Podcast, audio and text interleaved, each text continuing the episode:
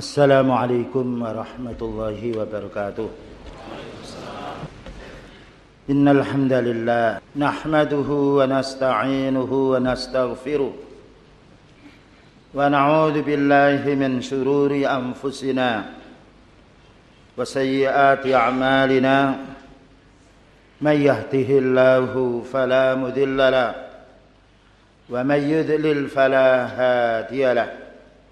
أشهد أن لا إله إلا الله وحده لا شريك له وأشهد أن محمدا عبده ورسوله. قال الله تعالى يا أيها الذين آمنوا اتقوا الله حق تقاته ولا تموتن إلا وأنتم مسلمون. وقال تعالى يا أيها الناس اتقوا ربكم الذي خلقكم من نفس واحدة وخلق منها زوجها وبث منهما رجالا كثيرا ونساء واتقوا الله الذي تساءلون به والأرحام إن الله كان عليكم ركيبا. وقال تعالى يا أيها الذين آمنوا اتقوا الله وقولوا قولا سديدا يصلح لكم أعمالكم ويغفر لكم ذنوبكم ومن يطع الله ورسوله فقد فاز فوزا عظيما. أما بعد قال النبي صلى الله عليه وسلم فإن أصدق الحديث كتاب الله وخير الهدى هدى النبي صلى الله عليه وسلم وشر الأمور محدثاتها وكل محدثة بدعة وكل بدعة ضلالة. Wa kulla dhalalatin finnar. Ayyuhal ikhwah wal akhwat pertama kami menyampaikan puji dan bersyukur kepada Allah Subhanahu wa taala atas limpahan sekian banyak rahmat dan nikmat terutama rahmat kita diberi karunia oleh Allah taala menjadi orang yang beragama Islam dan menerima syariat Allah Ta'ala dengan dimudahkan kita menuntut ilmu syar'i dengan pemahaman as-salafus salih pemahaman para sahabat radhiyallahu anhum yang dipilih oleh Allah taala untuk menemani Rasulullah sallallahu alaihi wasallam di dalam berdakwanya karena itu Rasulullah sallallahu alaihi wasallam bersabda, "May yuridillahu fihi khairan yufaqihu fiddin." Barang siapa yang dikehendaki oleh Allah baik, maka Allah akan menjadikan orang itu tafakku memahami din. Jadi mayuritillahu bihi khairan yufaqihu fiddin. Siapa yang dikehendaki oleh Allah Orang ini menjadi orang yang baik Maka ditakdirkan oleh Allah untuk memahami din Kemudian kami juga menyampaikan ahlan wa sahlan. Selamat datang kepada penuntut ilmu Dari ikhwan maupun akhwat Yang datang dari tempat jauh. Semoga kedatangan kita seperti yang disampaikan oleh Ustadz kita dari hadis yang dibaca tadi menjadi orang yang mendapatkan rahmat dari Allah Ta'ala. Senantiasa didoakan oleh malaikat dimintakan juga rahmatnya dan juga malaikat ridha meletakkan sayapnya melindungi orang yang menuntut ilmu. Namun ya ikhwan perlu diketahui nikmat ilmu Al-Quran dan Sunnah. Dengan pemahaman as-salafus soleh ini banyak kendala. Banyak penghalang-penghalang. Justru penghalangnya bukan dari orang lain agama. Yang itu nampak dari orang Yahudi dan Nasrani saja tetapi penghalangnya dari orang yang menisbahkan dirinya menggolongkan dirinya orang muslim bahkan juga menggolongkan dirinya sebagai dai oleh karena itu, kita sebagai hamba Allah yang diberi kenikmatan oleh Allah Ta'ala berupa semangat untuk menuntut ilmu din dengan pemahaman para sahabat radhiyallahu anhu kita hendaknya bersabar menghadapi fitnah ini. Dan perlunya kita mempelajari atau mendengar beberapa fatwa dari ulama sunnah yang mereka terjun di tengah fitnah. Terutama fitnah yang menyebar pada zaman sekarang yaitu fitnah takfir gampang mengkafirkan orang. Terutama fitnah bid'ah atau tabdi gampang orang itu membid'ahkan saudara sendiri. Dan juga fitnah tafsik menggampangkan atau memudahkan orang itu untuk memfasikkan saudara sendiri. Padahal perkara ini sangat berbahaya karena hadis Rasulullah sallallahu alaihi wasallam memberikan penjelasan kepada kita semuanya. Man qala li sahibihi ya kafir faqad ba'a ila akhadihima.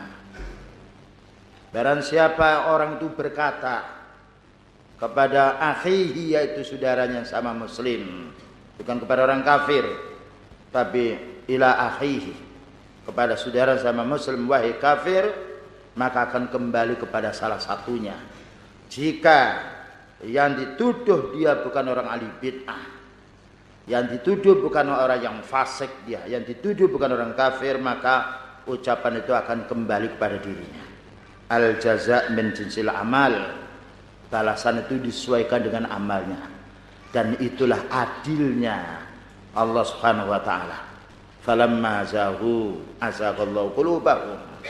Sebagaimana disebutkan di dalam ayatnya, ketika mereka berpaling akan dipalingkan oleh Allah taala. Karena itu agar kita istiqomah dan agar kita bersabar menghadapi sekian tamparan dan juga sekian hantaman berupa fitnah ini. Tidak ada jalan lain kita kembali kepada Al-Quran dan Sunnah dengan pemahaman para ulama Sunnah terutama para sahabat radhiyallahu anhum dan juga generasi sesudahnya. Dan insya Allah di hadapan antum semuanya di kitab yang sudah diterjemahkan. Kitab ini ditulis oleh alim minal ulama sunnah di kota Madinah An-Nabawiyah dan beliau masih hidup bahkan juga sering kunjung yaitu di Indonesia bahkan kami sering berjumpa dengan beliau pada saat beliau menyampaikan fatwanya di tengah di tengah para dai para duat as-salafin terutama di kota Malang dan juga seterusnya. Beliau menyampaikan nasihat ini ikhwan wa akhwat karena beliau hidup di tengah-tengah fitnah sebagaimana yang kita alami. Banyaknya manusia yang mengkafirkan, membid'ahkan dan juga memfasikkan. Maka insya Allah kita akan membaca fatwa beliau dan fatwa ini didasari dengan Al-Quran dan Sunnah. Dengan pemahaman para sahabat. Dan juga dikuatkan oleh para ulama sunnah pada masa kini. Dan menyebar ribuan berkali-kali dicetaknya. Karena manfaatnya kitab ini. Dan itulah manfaatnya orang alim. Sebagaimana Rasulullah sallallahu alaihi wasallam menjelaskan fadlul alimi 'alal 'abidi kafadlil qamari 'ala sairil kawakibi keutamaannya orang yang alim yang menuntut ilmu yang memiliki ilmu dibagikan eh, dibandingkan dengan orang yang ahli ibadah ibaratkan sinarnya bulan yang mengalahkan semua sinarnya bintang. Baik.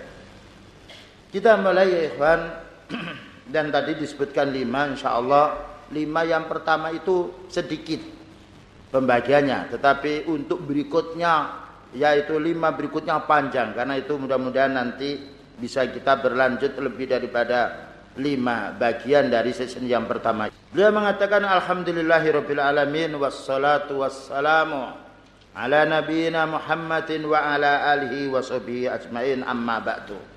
Ringkasnya saja mukaddimah ini saya baca dengan bahasa Indonesia yang mungkin juga ada sedikit beda bahasa dengan terjemah, tidak mengapa yang penting maksudnya bersama. Bahwasanya beliau ingin menasihati para pemuda yang menisbahkan dirinya ahli sunnah wal jamaah atau as-salafus salih Dikatakan para pemuda karena munculnya fitnah ini banyak dari pemuda. Di mana beliau ingin ikut andil memberi nasihat kepada saudaranya sama kaum muslimin. Karena nasihat adalah ibadah. Ad-din wa an-nasihah. Dan ingin pula untuk mendamaikan, menyelesaikan perkara yang berkecamuk, yang berselisih antara orang yang menisbahkan dirinya ahli sunnah kepada saudaranya yang lain. Kemudian di antara penyebab beliau menulis nasihat ini karena tidak sedikit para sahabat salafiyin di negara-negara yang mayoritas Islam bahkan juga di negara kafir yang sedikit orang Islamnya terjadi tafrikin kabirin min tafarrukin kabirin bisa babil ikhtilaf fil masail ilmiah terjadi cekcok perbedaan yang tajam yaitu antara mereka dalam hal-hal masalah ilmu dan bagaimana menghadapi sifat yang konkret dari orang-orang yang menyelisih dari kalangan kaum muslimin ini.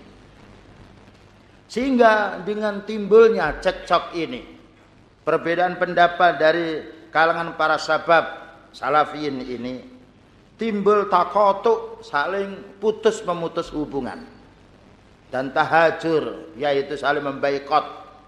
Tidak mau menyapa tidak mau disalami dan tidak mau menegur. Jadi fitnah ini ya ikhwan bukan di tempat kita. Tetap bu saja tetapi fitnah ini asalnya di timur tengah. Yang mana mereka-mereka memfitnah ini menisbahkan dirinya juga as-salafus sehingga terjadi permusuhan. Sampai seolah-olah teman yang ahli sunnah itu bagikan musuh utama seperti orang Yahudi dan Nasrani. Naudzubillah min dzalik. Karena itu perlu kita mendengar wasiat dari beliau ini. Pertama ya ikhwan, wasiat yang pertama. Inna minal usulil muqarrarati fitin termasuk landasan utama di dalam tin.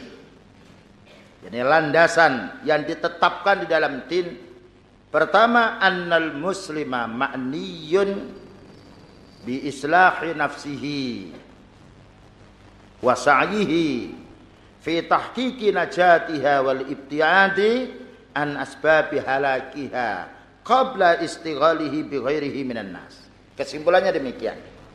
Kita sebagai seorang muslim itu berupaya bagaimana memperbaiki diri kita dulu berusaha supaya diri kita itu selamat dari kufur.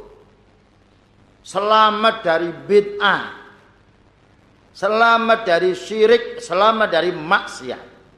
Sebelum kita melangkah mengurusi orang lain. Jadi ini kaidah pertama. Bagaimana kita bisa memperbaiki diri sebelum memperbaiki yang lain. Dan itu fitrah manusia. Orang apabila ada makanan dia makan terlebih dahulu Apabila dia sakit dia berobat dulu baru dia mengobatkan orang yang lain yang sakit. Dan itu fitrah yang diterima dengan akal yang sehat. Karena itu Allah Ta'ala menjelaskan. Ya ayyuhalladzina amanu ku anfusakum. Baru ahlikum nara. Wahai orang beriman. Jagalah dirimu dan keluargamu dari api neraka. Mendalukan perbaikan diri karena orang yang memperbaiki diri insya Allah gampang dia memperbaiki umat. Demikian juga Allah Subhanahu wa taala menurunkan ayat wa anzir ashiratakal akrabin. Wahai Nabi Muhammad sallallahu alaihi wasallam ingatkan kerabatmu yang terdekat. Waktu itu Rasulullah sallallahu alaihi wasallam ketika turun ayat ini dipanggil pamannya, dipanggil istrinya, dipanggil anaknya, bahkan juga memanggil dirinya sendiri. Jadi orang ingin memperbaiki umat, perbaiki dulu.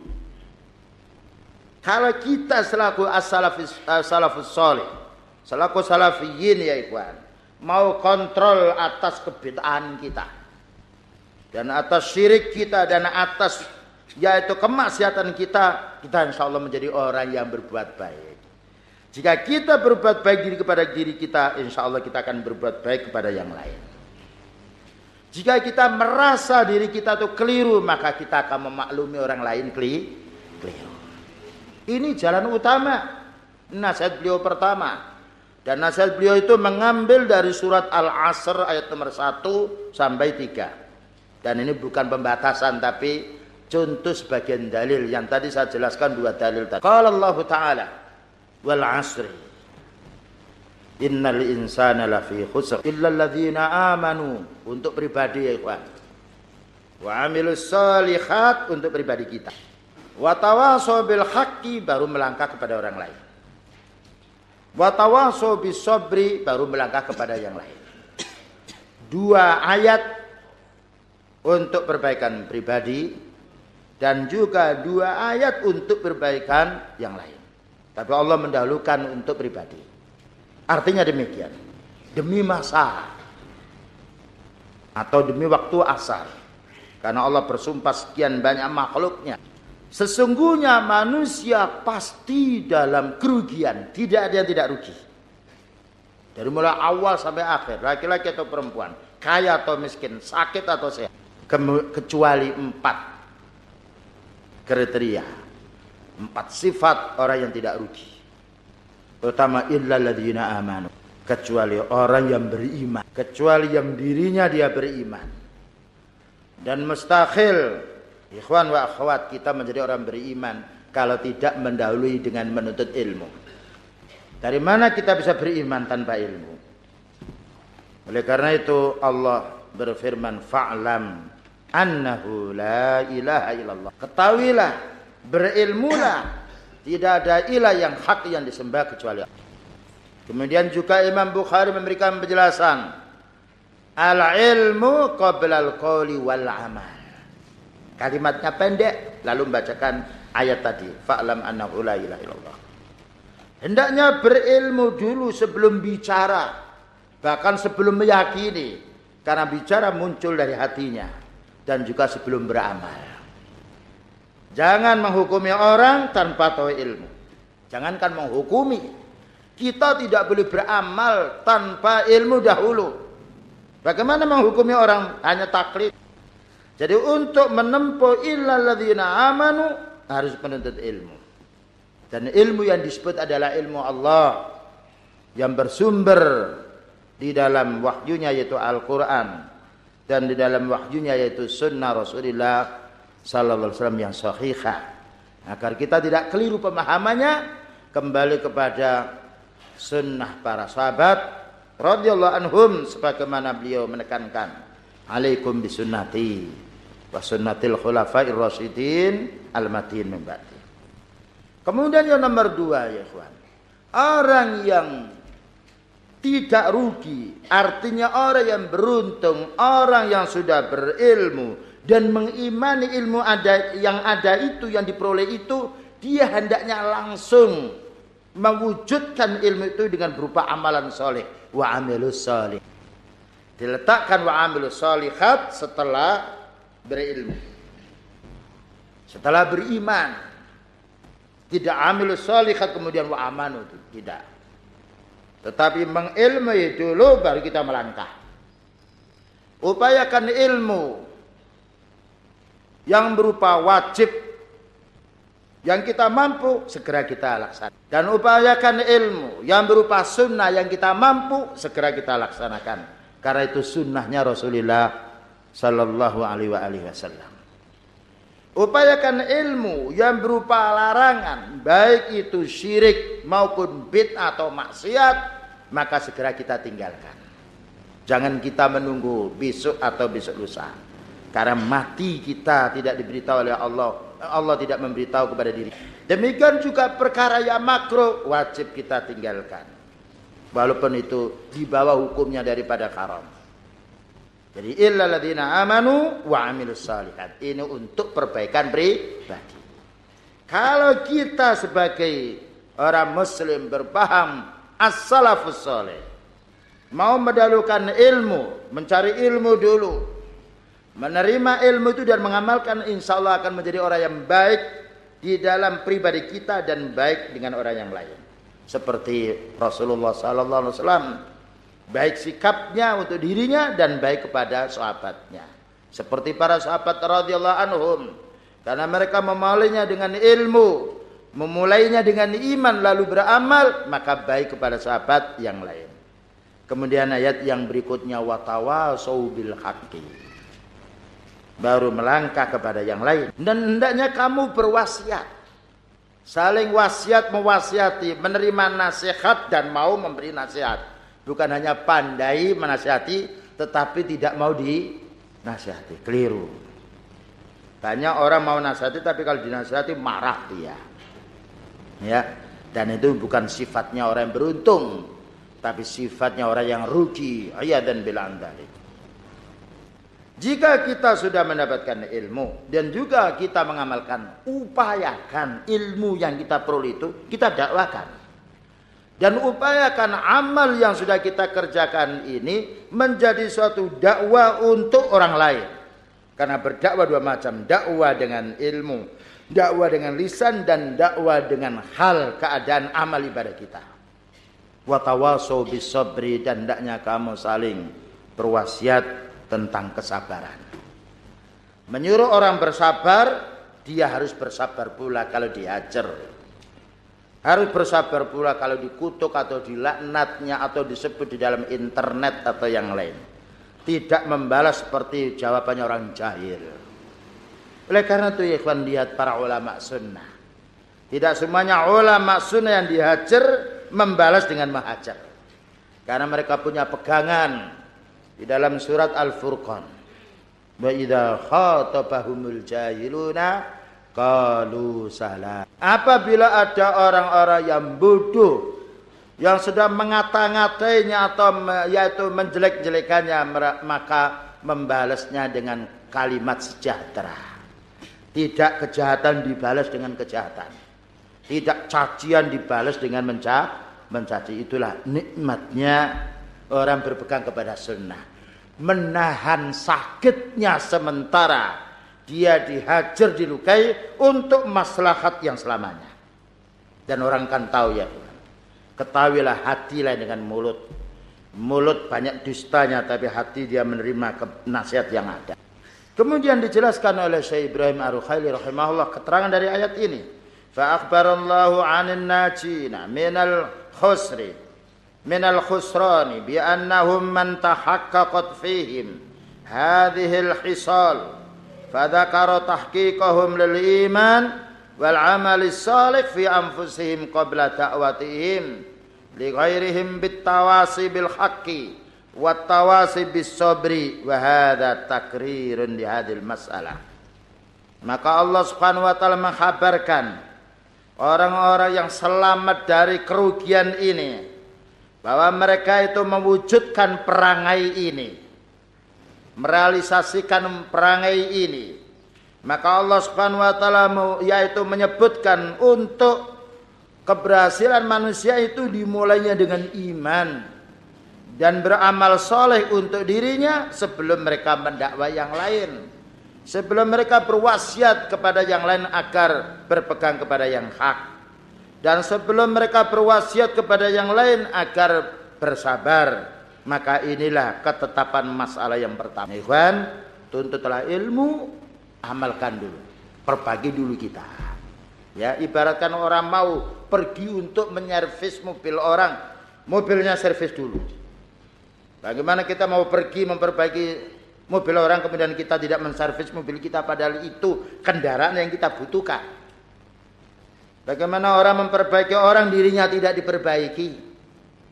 Itulah Allah mencela Bani Israel dengan ayatnya surat Al-Baqarah ayat 40. Atamuruna nasa bil birri wa tansawna anfusakum wa antum tatluna al-kitab afala taqilun.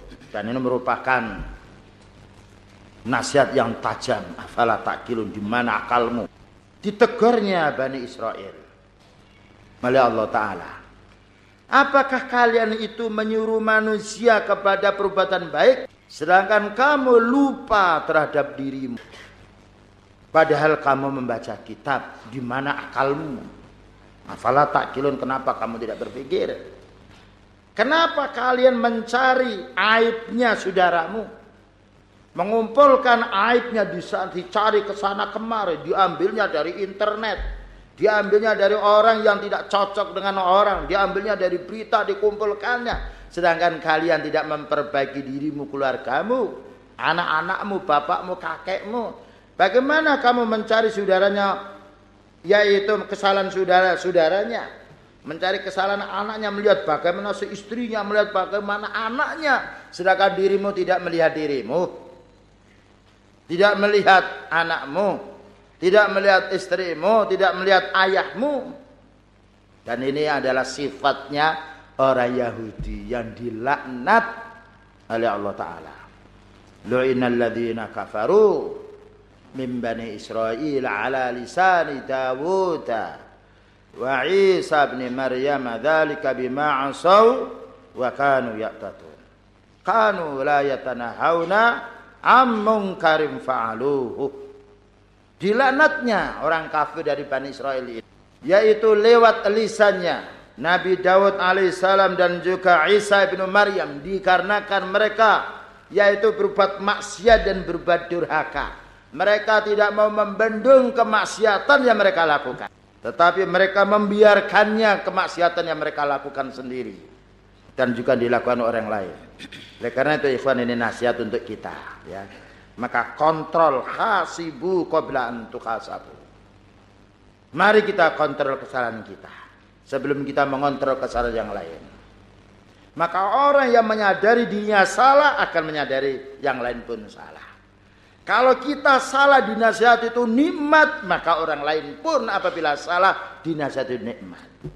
Kalau kita salah dikatakan ahli bid'ah, dikatakan ahli syirik, dikatakan kafir, dikatakan ya Allah, wahai musuh Allah kita marah. Demikian juga saudara kita karena mereka sama dari jenis manusianya. Manusia hendaknya berpikir. Jangan dikuasai oleh hawa nafsunya. Karena itu Allah Ta'ala berfirman, Qad aflaha man zakkaha.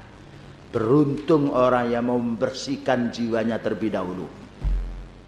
Wa qad khaba man dassaha.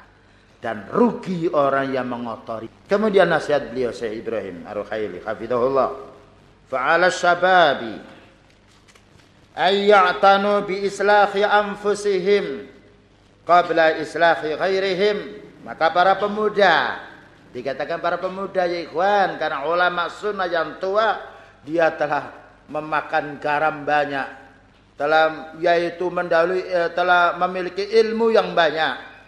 Mereka menyadari atas kesalahan dirinya dan yang lain, tapi para pemuda biasanya didorong dengan semangat dulu, ilmunya belakangan. Baik para pemuda hendaknya engkau yaitu bersungguh-sungguh perhatian untuk memperbaiki dirimu sebelum memperbaiki orang lain. Faida mastaqamu ala dhalika wa jama'u bainal imtisali li dinillahi fi anfusihim wa ta'watihim ghairahum ilahi kanu ala hadis salafi bi haqqin wa naf'a wa nafa'allahu bihim. Jika kita istiqomah ya memperbaiki diri kita dan sepakat untuk mendahulukan kita mengamalkan din ini mendahului men, mendahulukan untuk mendakwai diri kita.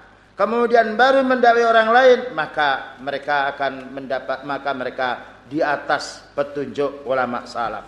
Dan insya Allah Allah akan memberikan manfaat kepada mereka.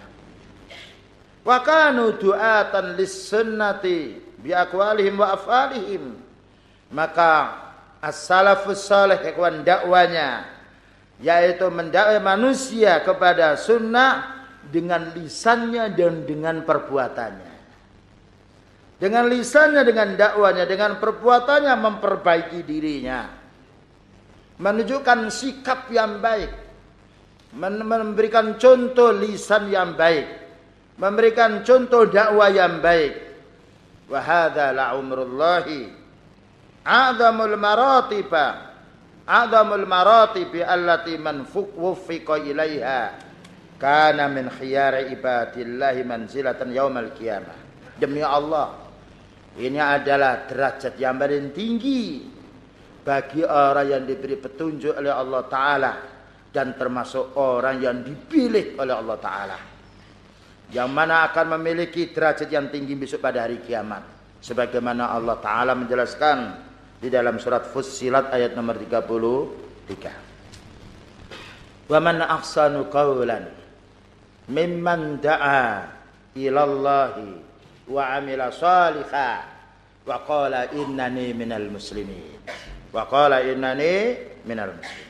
Surat Fusilat 13. Tidak ada manusia yang paling baik perkataannya. Yang paling manfaat nasihatnya. Yang paling membawa kenikmatan di dalam jiwa orang yang dinasihatinya. Melainkan orang yang da'a ilallah. Mengajak manusia ilallah ila tauhidillah. Mengajak manusia untuk menjadi orang yang ahli ibadah ikhlas kepada Allah. Ini manusia yang paling baik lisannya bukan mengajak manusia untuk menghajar. Bukan mengajak manusia untuk membingungkan umat. Bukan mengajak manusia untuk menjauhi manusia. Tetapi da'a ilallah. Ini mulut yang paling bermanfaat. Fa inna khairal hadisi kita. Baiknya lisan ini apabila memberitahu kepada umat ini qala Allah taala. Ini wa qala Nabi sallallahu alaihi wasallam dan ini qalanya para sahabat dan a'immah sunnah. Inilah orang yang da'a ilallah dan manfaatnya banyak ya Pak. Berbeda dengan orang yang da'a untuk melukai manusia. Untuk menjauhkan manusia yang belum tentu manusia itu harus dijauhkan. Maka akan timbul fitnah. Jadilah ya ikhwan kita manusia membangun juga jangan menjadi manusia yang merusak. Kemudian wa amila solihan dia mau beramal soleh. Lisannya bermanfaat. Didengarkan oleh telinga orang yang mendengarkannya. Badannya bermanfaat dinikmati oleh orang yang melihatnya. Wa amila solihah. Wa qala innani minal muslimin. Dan dia berkata saya ini termasuk orang yang menyerah diri kepada Allah. Al-Imam Al-Hasan Al-Basri rahimahullah menafsirkan ayat ini hum khiyaratullah wa hum safwatullah sebagaimana disebutkan di dalam kitab tafsir Ibnu Katsir rahimahullah. Orang yang menyeru ke jalan Allah mimman da'a ilallah. Dan wa amila salihan ini wa qala innani muslimin inna minal muslimin tergolong pilihan-pilihan hamba Allah. Termasuk manusia-manusia yang dipilih oleh Allah Ta'ala. Dan manusia yang berhak menasihati manusia. Ya mimman ta'ala Allah bukan ta'ala ila takfir bukan ta'ala tabdi bukan ta'ala golongan bukan ta'ala partai bukan ta'ala kelompok tapi ta'ala Allah kalau antum berdakwah ilallah ini wujudnya. Kalau berdakwah kepada kelompok sembunyi-sembunyi nanti. Oleh karena dakwah salafiyah dakwah menggelar semua. Siapa yang dengki, siapa yang baik hatinya silahkan. Sama sekali yang menyampaikan dakwah tidak ada rasa ketakutan dia. Bagaimana takut menyampaikan din. Dia tidak memfitnah orang, dia menyampaikan yang hak untuk dirinya dan untuk um, umat. Ini ya kawan. Pertama ya. Kita tinggalkan nasihat pertama ini. Sebelum melangkah yang kedua, kita ingat kita hendaknya memperbaiki diri dulu. Dengan apa? Dengan menuntut. Dan dengan beramal yang soleh. Setelah itu silakan mendakwai orang. Jangan menghukumi dulu. Kalau hakim itu haknya Allah. Boleh kalau orang itu ahli ilmi. Bukan orang talabatil ilmi.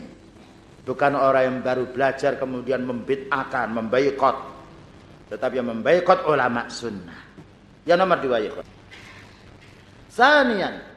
Yanbahi ayyu'lama anna ahla sunnati bihaqqin hum ahlul imtisalil kamili lil islami i'tiqadan wa sulukan. Wajib diketahui bahwa ahli sunnah wal jamaah yang benar Bukan ahli sunnah wal jamaah yang tempelan atau yang palsu. Tapi ahli sunnah wal jamaah yang benar.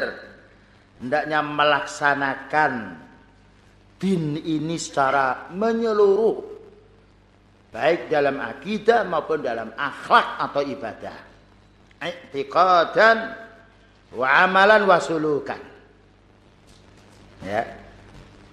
Jadi upaya ini kaidah yang nomor dua. Upayakan kita itu menjadi orang yang bisa mengamalkan din secara kafah baik akidah atau amal ibadah atau muamalah atau akhlak karena Allah taala menjelaskan di dalam surat Al-Baqarah nomor 208 insyaallah ya ayyuhalladzina amanu udkhulu fis silmi kaffa wa la tattabi'u syaitan wahai orang beriman Masuklah kamu di dalam Islam ini. Menyerahlah kalian di dalam Islam itu secara keseluruhan. Jadi bukan hanya mulut tetapi akidah juga kembali kepada akidah ahli sunnah wal jamaah. Akhlak juga kembali kepada akhlaknya ulama sunnah ahli sunnah wal jamaah atau as-salafus soleh. Ibadahnya pun harus kembali kepada ahli sunnah wal jamaah. Bukan akidah saja lalu manhatnya saja kemudian akhlak yang enggak apa-apa, pecat yang penting akidahnya baik. Naudzubillah min dzalik. Itu kalimat yang muncul dari orang ahli bid'ah pada zaman sekarang. Karena kita tidak pernah mendengarkan ulama dahulu. Tidak mengapa bejat akhlaknya, tahu bejat ya. Yang rusak akhlaknya yang penting baik akidah dan manhajnya. Dan itu muncul dari orang yang semangat tapi dia keliru. Dari orang yang tidak punya adab dia. Orang yang merusak barisan as-salafus soleh rahimah radhiyallahu anhu bal rahimahullah ya. Jadi ya ikhwan kita upayakan menjadi orang yang berakidah yang beramal berakhlak din apa yang disebutkan oleh Allah taala. Dan apa yang disebutkan oleh Nabi Muhammad wasallam dengan hati yang sahih dengan pemahaman para salaf hendaknya kita miliki semuanya. Wa min kusda kemudian dijelaskan oleh Syekh Ibrahim bin Amir Ar-Rukhaili hafizahullah. Kelirunya orang yang mengaku salaf tapi palsu. Tapi tempelan dia. Wa min kusuril fahmi ayadunna anna sunniya Abi salafiyah huwa man haqqaqa i'tiqad ahli sunnati dunal iyanati bi jawanibis suluki wal adabil islamiyati wa ta'diyati hukukil muslimina fima bainahum termasuk pendeknya pemahaman dangkalnya pemikiran. Adanya orang-orang yang mengaku sunnah mengaku salafi ini menduga mengira. Barang siapa yang membuktikan barang siapa yang meraih iktikad akidah sunnah sudah cukup.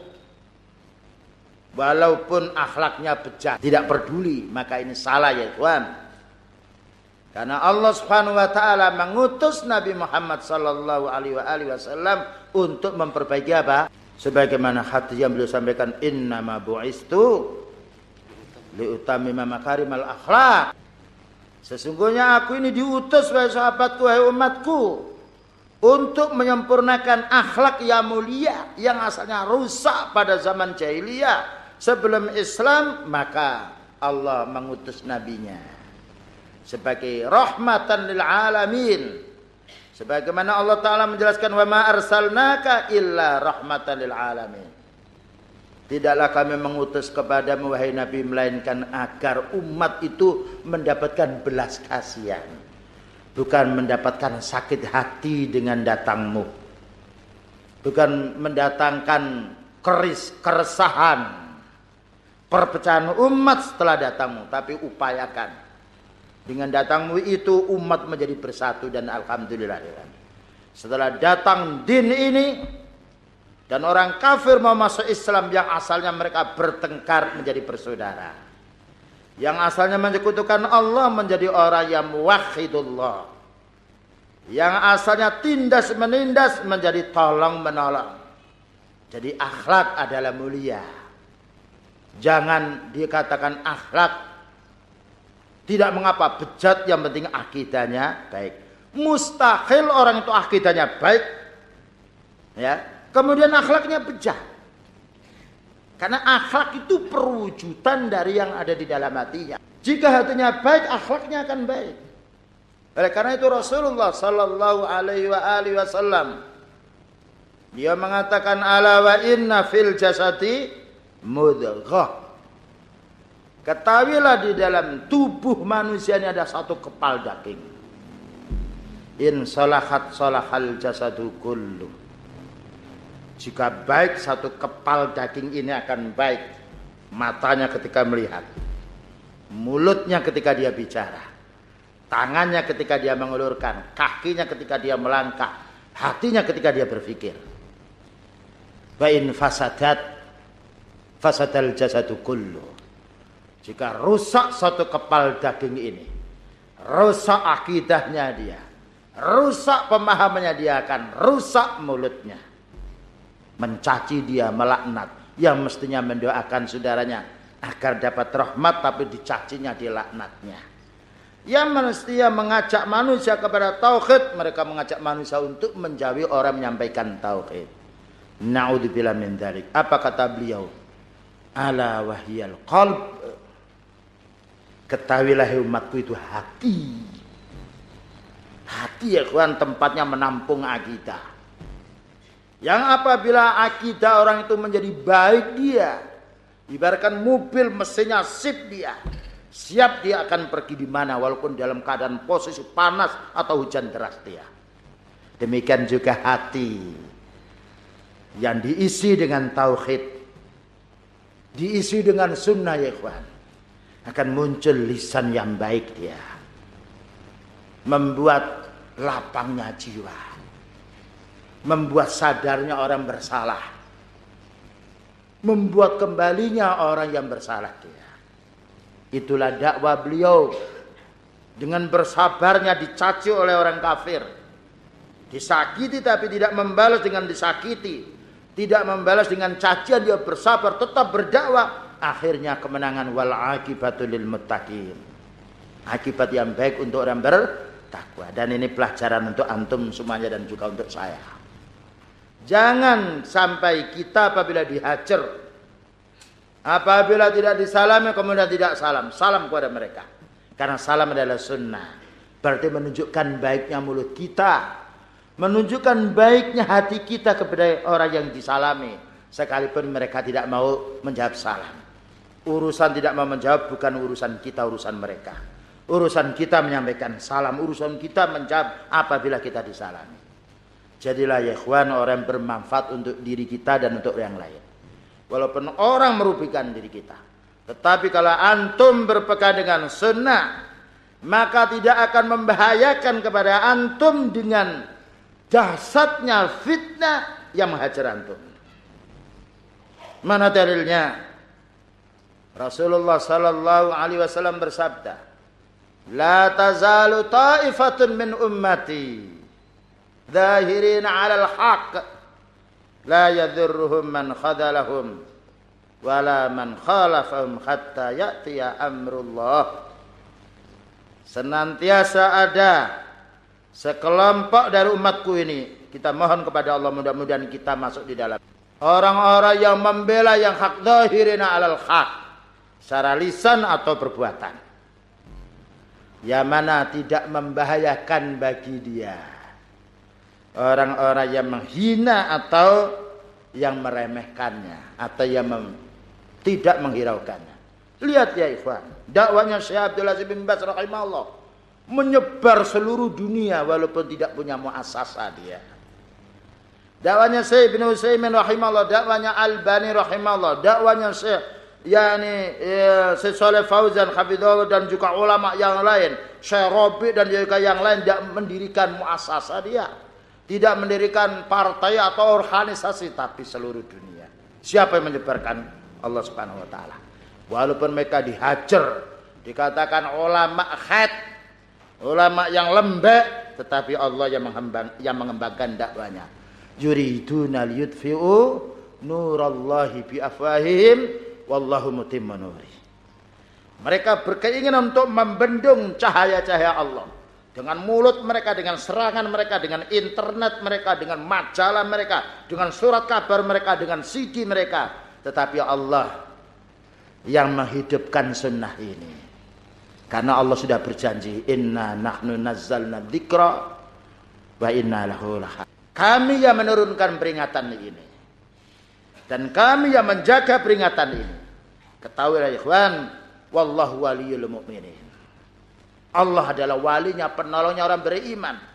Berapa banyaknya para utusan yang diancam, yang dihukum oleh penjahat-penjahat orang kafir.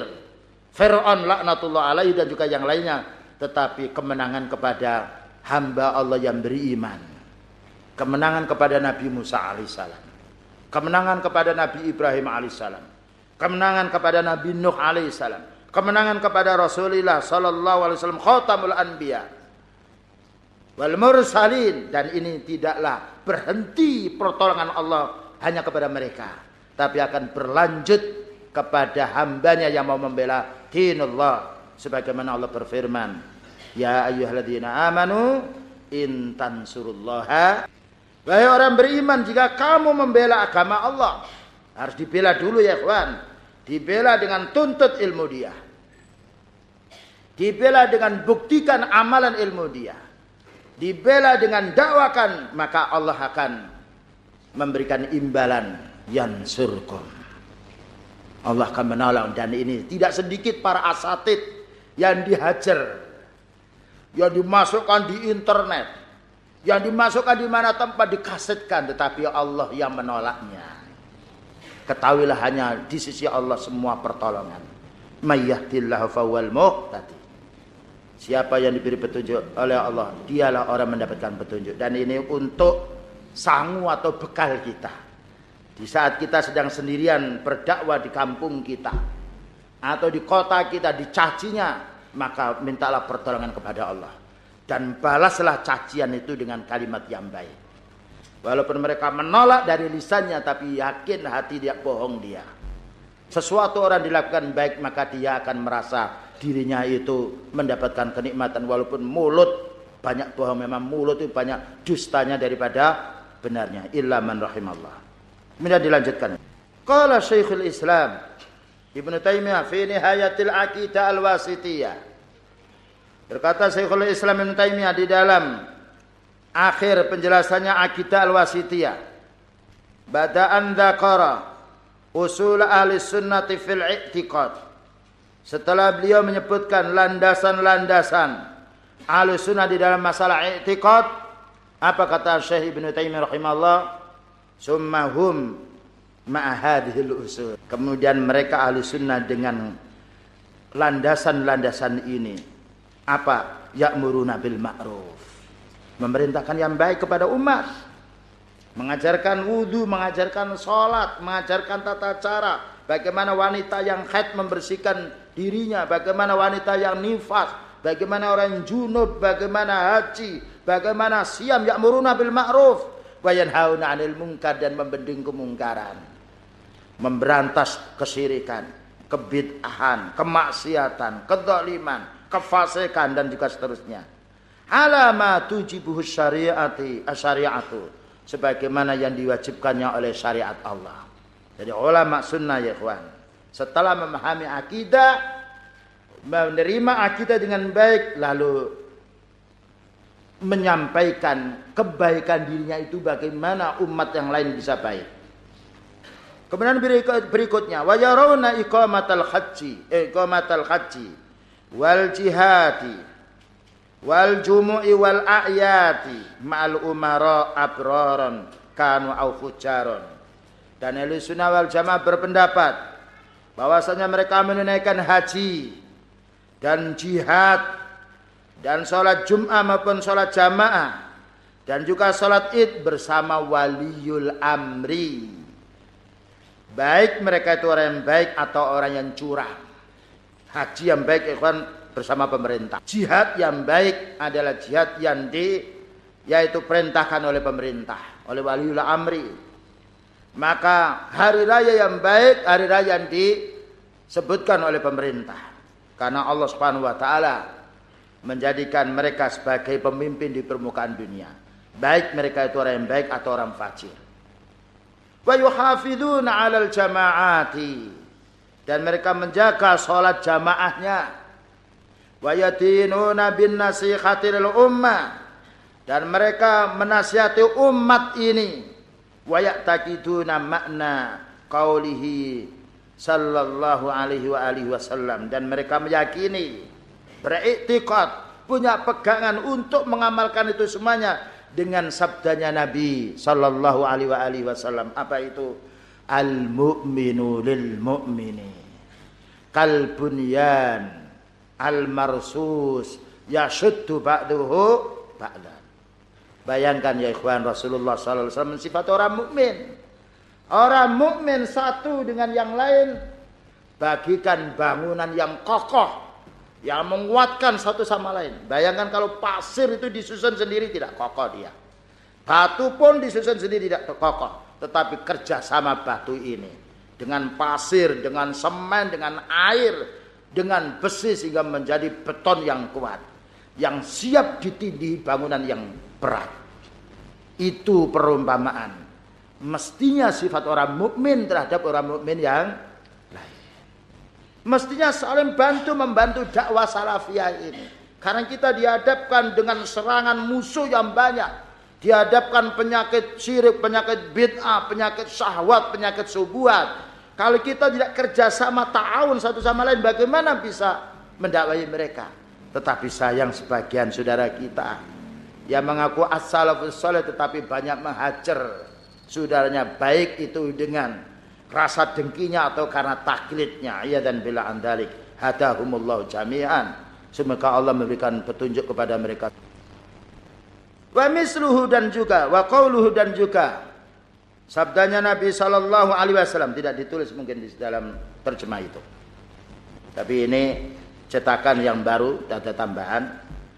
Masalul mu'minina fi tawatihim wa tarahumihim wa ta'atufihim kamasalil jasadil wahidi.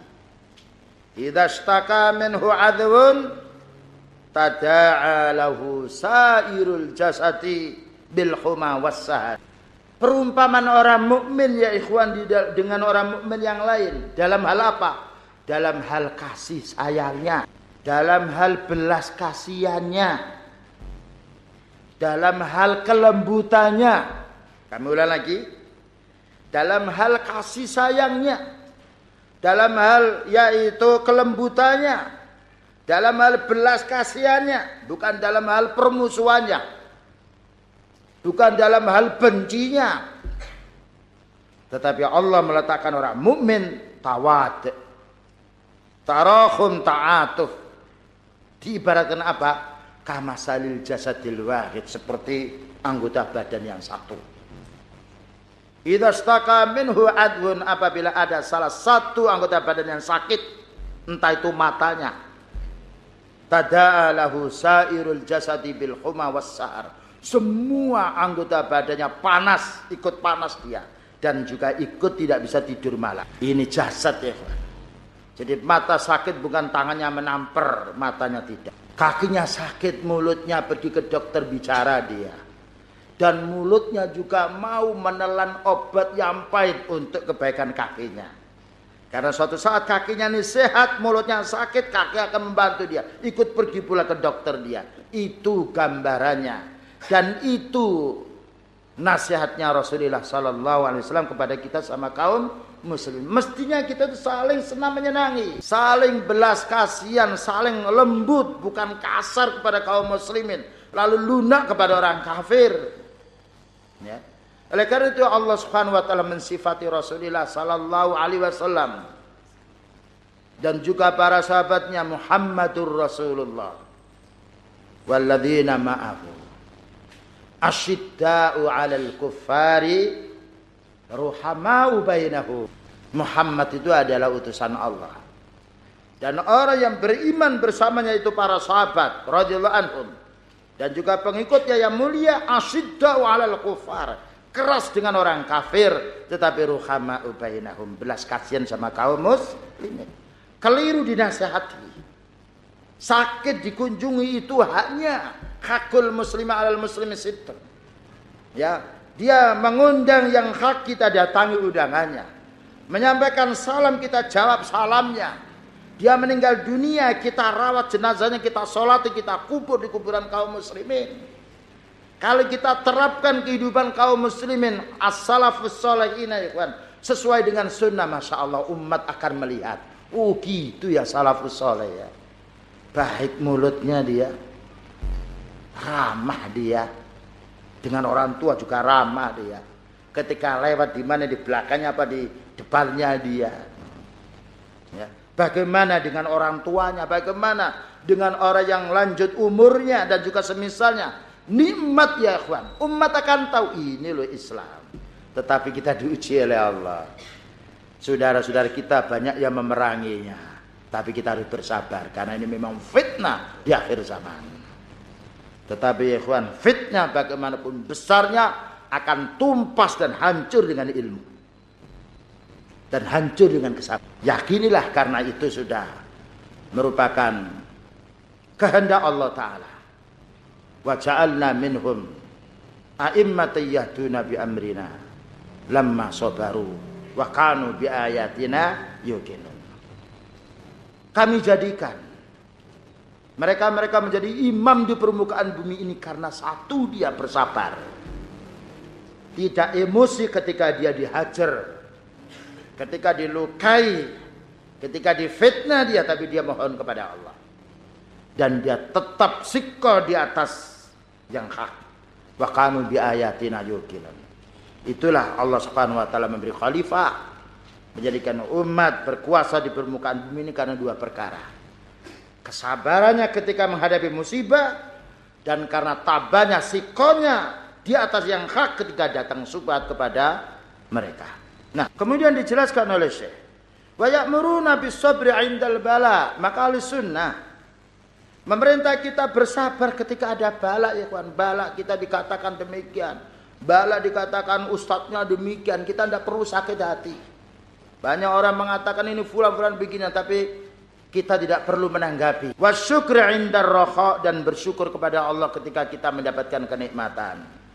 Warida bimurril qadha dan kita rida dengan pahitnya ketentuan Allah wa yad'una ila makarimil akhlak dan ahli sunnah wal jamaah ya ikhwan as-salafus salih mengajak manusia kepada akhlak yang mulia. Wa mahasinil a'mal. Dan mengajak kepada amal yang baik. Wa ya'taqiduna makna qaulihi sallallahu alaihi wasallam. Dan mereka itu berpegang dengan berkeyakinan dan berpegang dengan makna hadis yang mana Rasulullah sallallahu alaihi wasallam menjelaskan akmalul mu'minina imanan ahsanuhum khuluqan. Ya, perhatikan ikhwan. Paling sempurna orang mukmin itu apanya? Imannya. Paling sempurna orang mukmin iman karena iman itu satu saat kurang, menengah, hilang dan sempurna. Apa itu aksanuhum ukhra? Uh, khuluqa yang paling baik akhlaknya. Ya maka orang yang baik akhlaknya akan baik akidahnya. Dan akan baik mulutnya. Dan akan baik pula matanya dia. Akan baik pula telinganya dia. Dan akan baik pula ketika berhadapan dengan manusia. Ya. Jadi kalimat yang pendek. Wasiat dari beliau sallallahu alaihi wasallam. Menjadi lapangnya dada dan enaknya pandangan. Dan juga manusia akan tertarik dengannya apabila kita memiliki akhlak yang mulia. Kemudian lagi akmalul mu'minina imanan ahsanuhum khuluqa. Paling sempurnanya iman seseorang yaitu paling baiknya akhlaknya, bukan paling banyaknya mahajarnya. Bukan paling banyaknya yaitu uh, yaitu uh, membencinya atau marahnya atau membaikotnya dia tetapi yang paling banyak akhlaknya tunjukkan ikhwan akhlak yang mulia bukan ria tetapi menunjukkan nikmat dari Allah wa amma bi nikmati rabbika fahadis maka nikmat dari Rabbmu itu ceritakan. Fasyadu bi anna muslimun. Saksikan kami ini orang muslim. Kami ini loh salafi. Lihat mulut. Lihat tangan saya. Lihat apa yang dikerjakan oleh mata saya. Lihat apa yang didengar oleh telinga saya. Tunjukkan ya ikhwan dakwah kita dengan perbuatan. Dakwah kita dengan akhlak yang mulia biar orang kafir dia masuk Islam karena kemuliaan din Islam. Biar orang-orang hizbi, orang-orang fanatik, orang haroki dia faham ya bahwa ini Islam sehingga menjadi panutan untuk orang awam. Sementara salaf sekarang difitnah karena apa? Berpecah belah. Padahal bukan manhaj yang berpecah belah, tapi manusianya yang banyak palsu yang mengaku dirinya salaf tetapi untuk menghantam as-salafus saleh. Iya dan bila andalik. Nomor tiga ya. Inna minal maqasidil azima allati khassa alaihi al-islam hidayatal khalqi ila hadatin. Ini kaidah nomor tiga. Termasuk tujuan yang paling besar disebarkannya Islam ini. Diturunkan Al-Quran ini. Diutusnya Rasulullah Sallallahu Alaihi Wasallam dan para nabi sebelumnya. Apa itu? Bagaimana kita bisa menjadi sebab orang lain itu mendapatkan petunjuk. Hidayatul khalqi ila hadatin Bagaimana orang lain dia mendapatkan kenikmatan Islam itu sebab dari ulah kita yang baik. Hidayat al-khalqi ila hadatin. Tunjukkan din ini kepada manusia. Dakwai manusia ini, ikhwan. Ya. Jadi setelah kita memperbaiki diri, ya. kemudian setelah kita mengamalkan din secara kafah, Bagaimana kita bukan menjadi orang bermanfaat untuk diri dan keluarga, tetapi tetangga bisa merasakan nikmatnya. Ibaratkan orang masak, ketika kita tahu lapar kita makan, keluarga kita makan, tapi melihat jeripaya tetangga kita yang miskin, kelaparan, kehausan, bagaimana dia bisa minum dari air yang kita minum? Bagaimana mereka bisa merasakan makanan dari masakan yang kita masak. Oleh karena itu disebutkan di dalam hadis.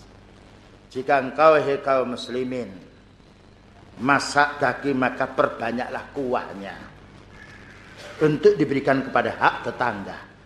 Jika tetangga berhak untuk kita kasih kuah untuk memenuhi kebutuhan perutnya, maka bagaimana tetangga tidak merasakan nikmatnya iman untuk perbaikan hati. Karena khadaul qulub ya ikhwan. Makanan dalam hati ini lebih banyak dibutuhkan daripada makanan perut. Makanan untuk perut.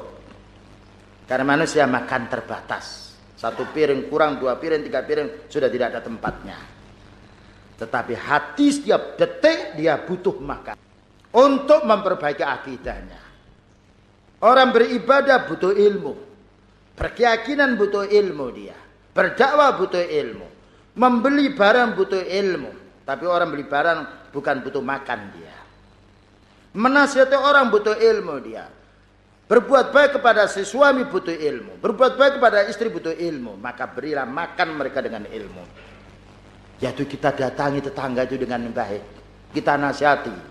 Jangan diolok-olok. Dan nasihat itu banyak ya kan. Barangkali mereka belum bisa menanggalkan gambar-gambar yang ditempel di tembok-temboknya mungkin kita bisa menasihati yang lain. Karena memberantas kemungkaran sedikit demi sedikit. Al-Quran diturunkan untuk umat ini bukan keseluruhan. Tetapi tahap munajjaman. Satu persatu. Kepada beliau, naam secara keseluruhan. Untuk beliau yang kepada umatnya bertahap dia. Bagaimana kita menjadi sebab. Menjadi baiknya umat. Sebagaimana Rasulullah sallallahu alaihi wasallam berpesan kepada sahabat Ali radhiyallahu anhu ketika sahabat Ali dipilih oleh beliau sebagai panglima perang untuk berperang di tengah masyarakat.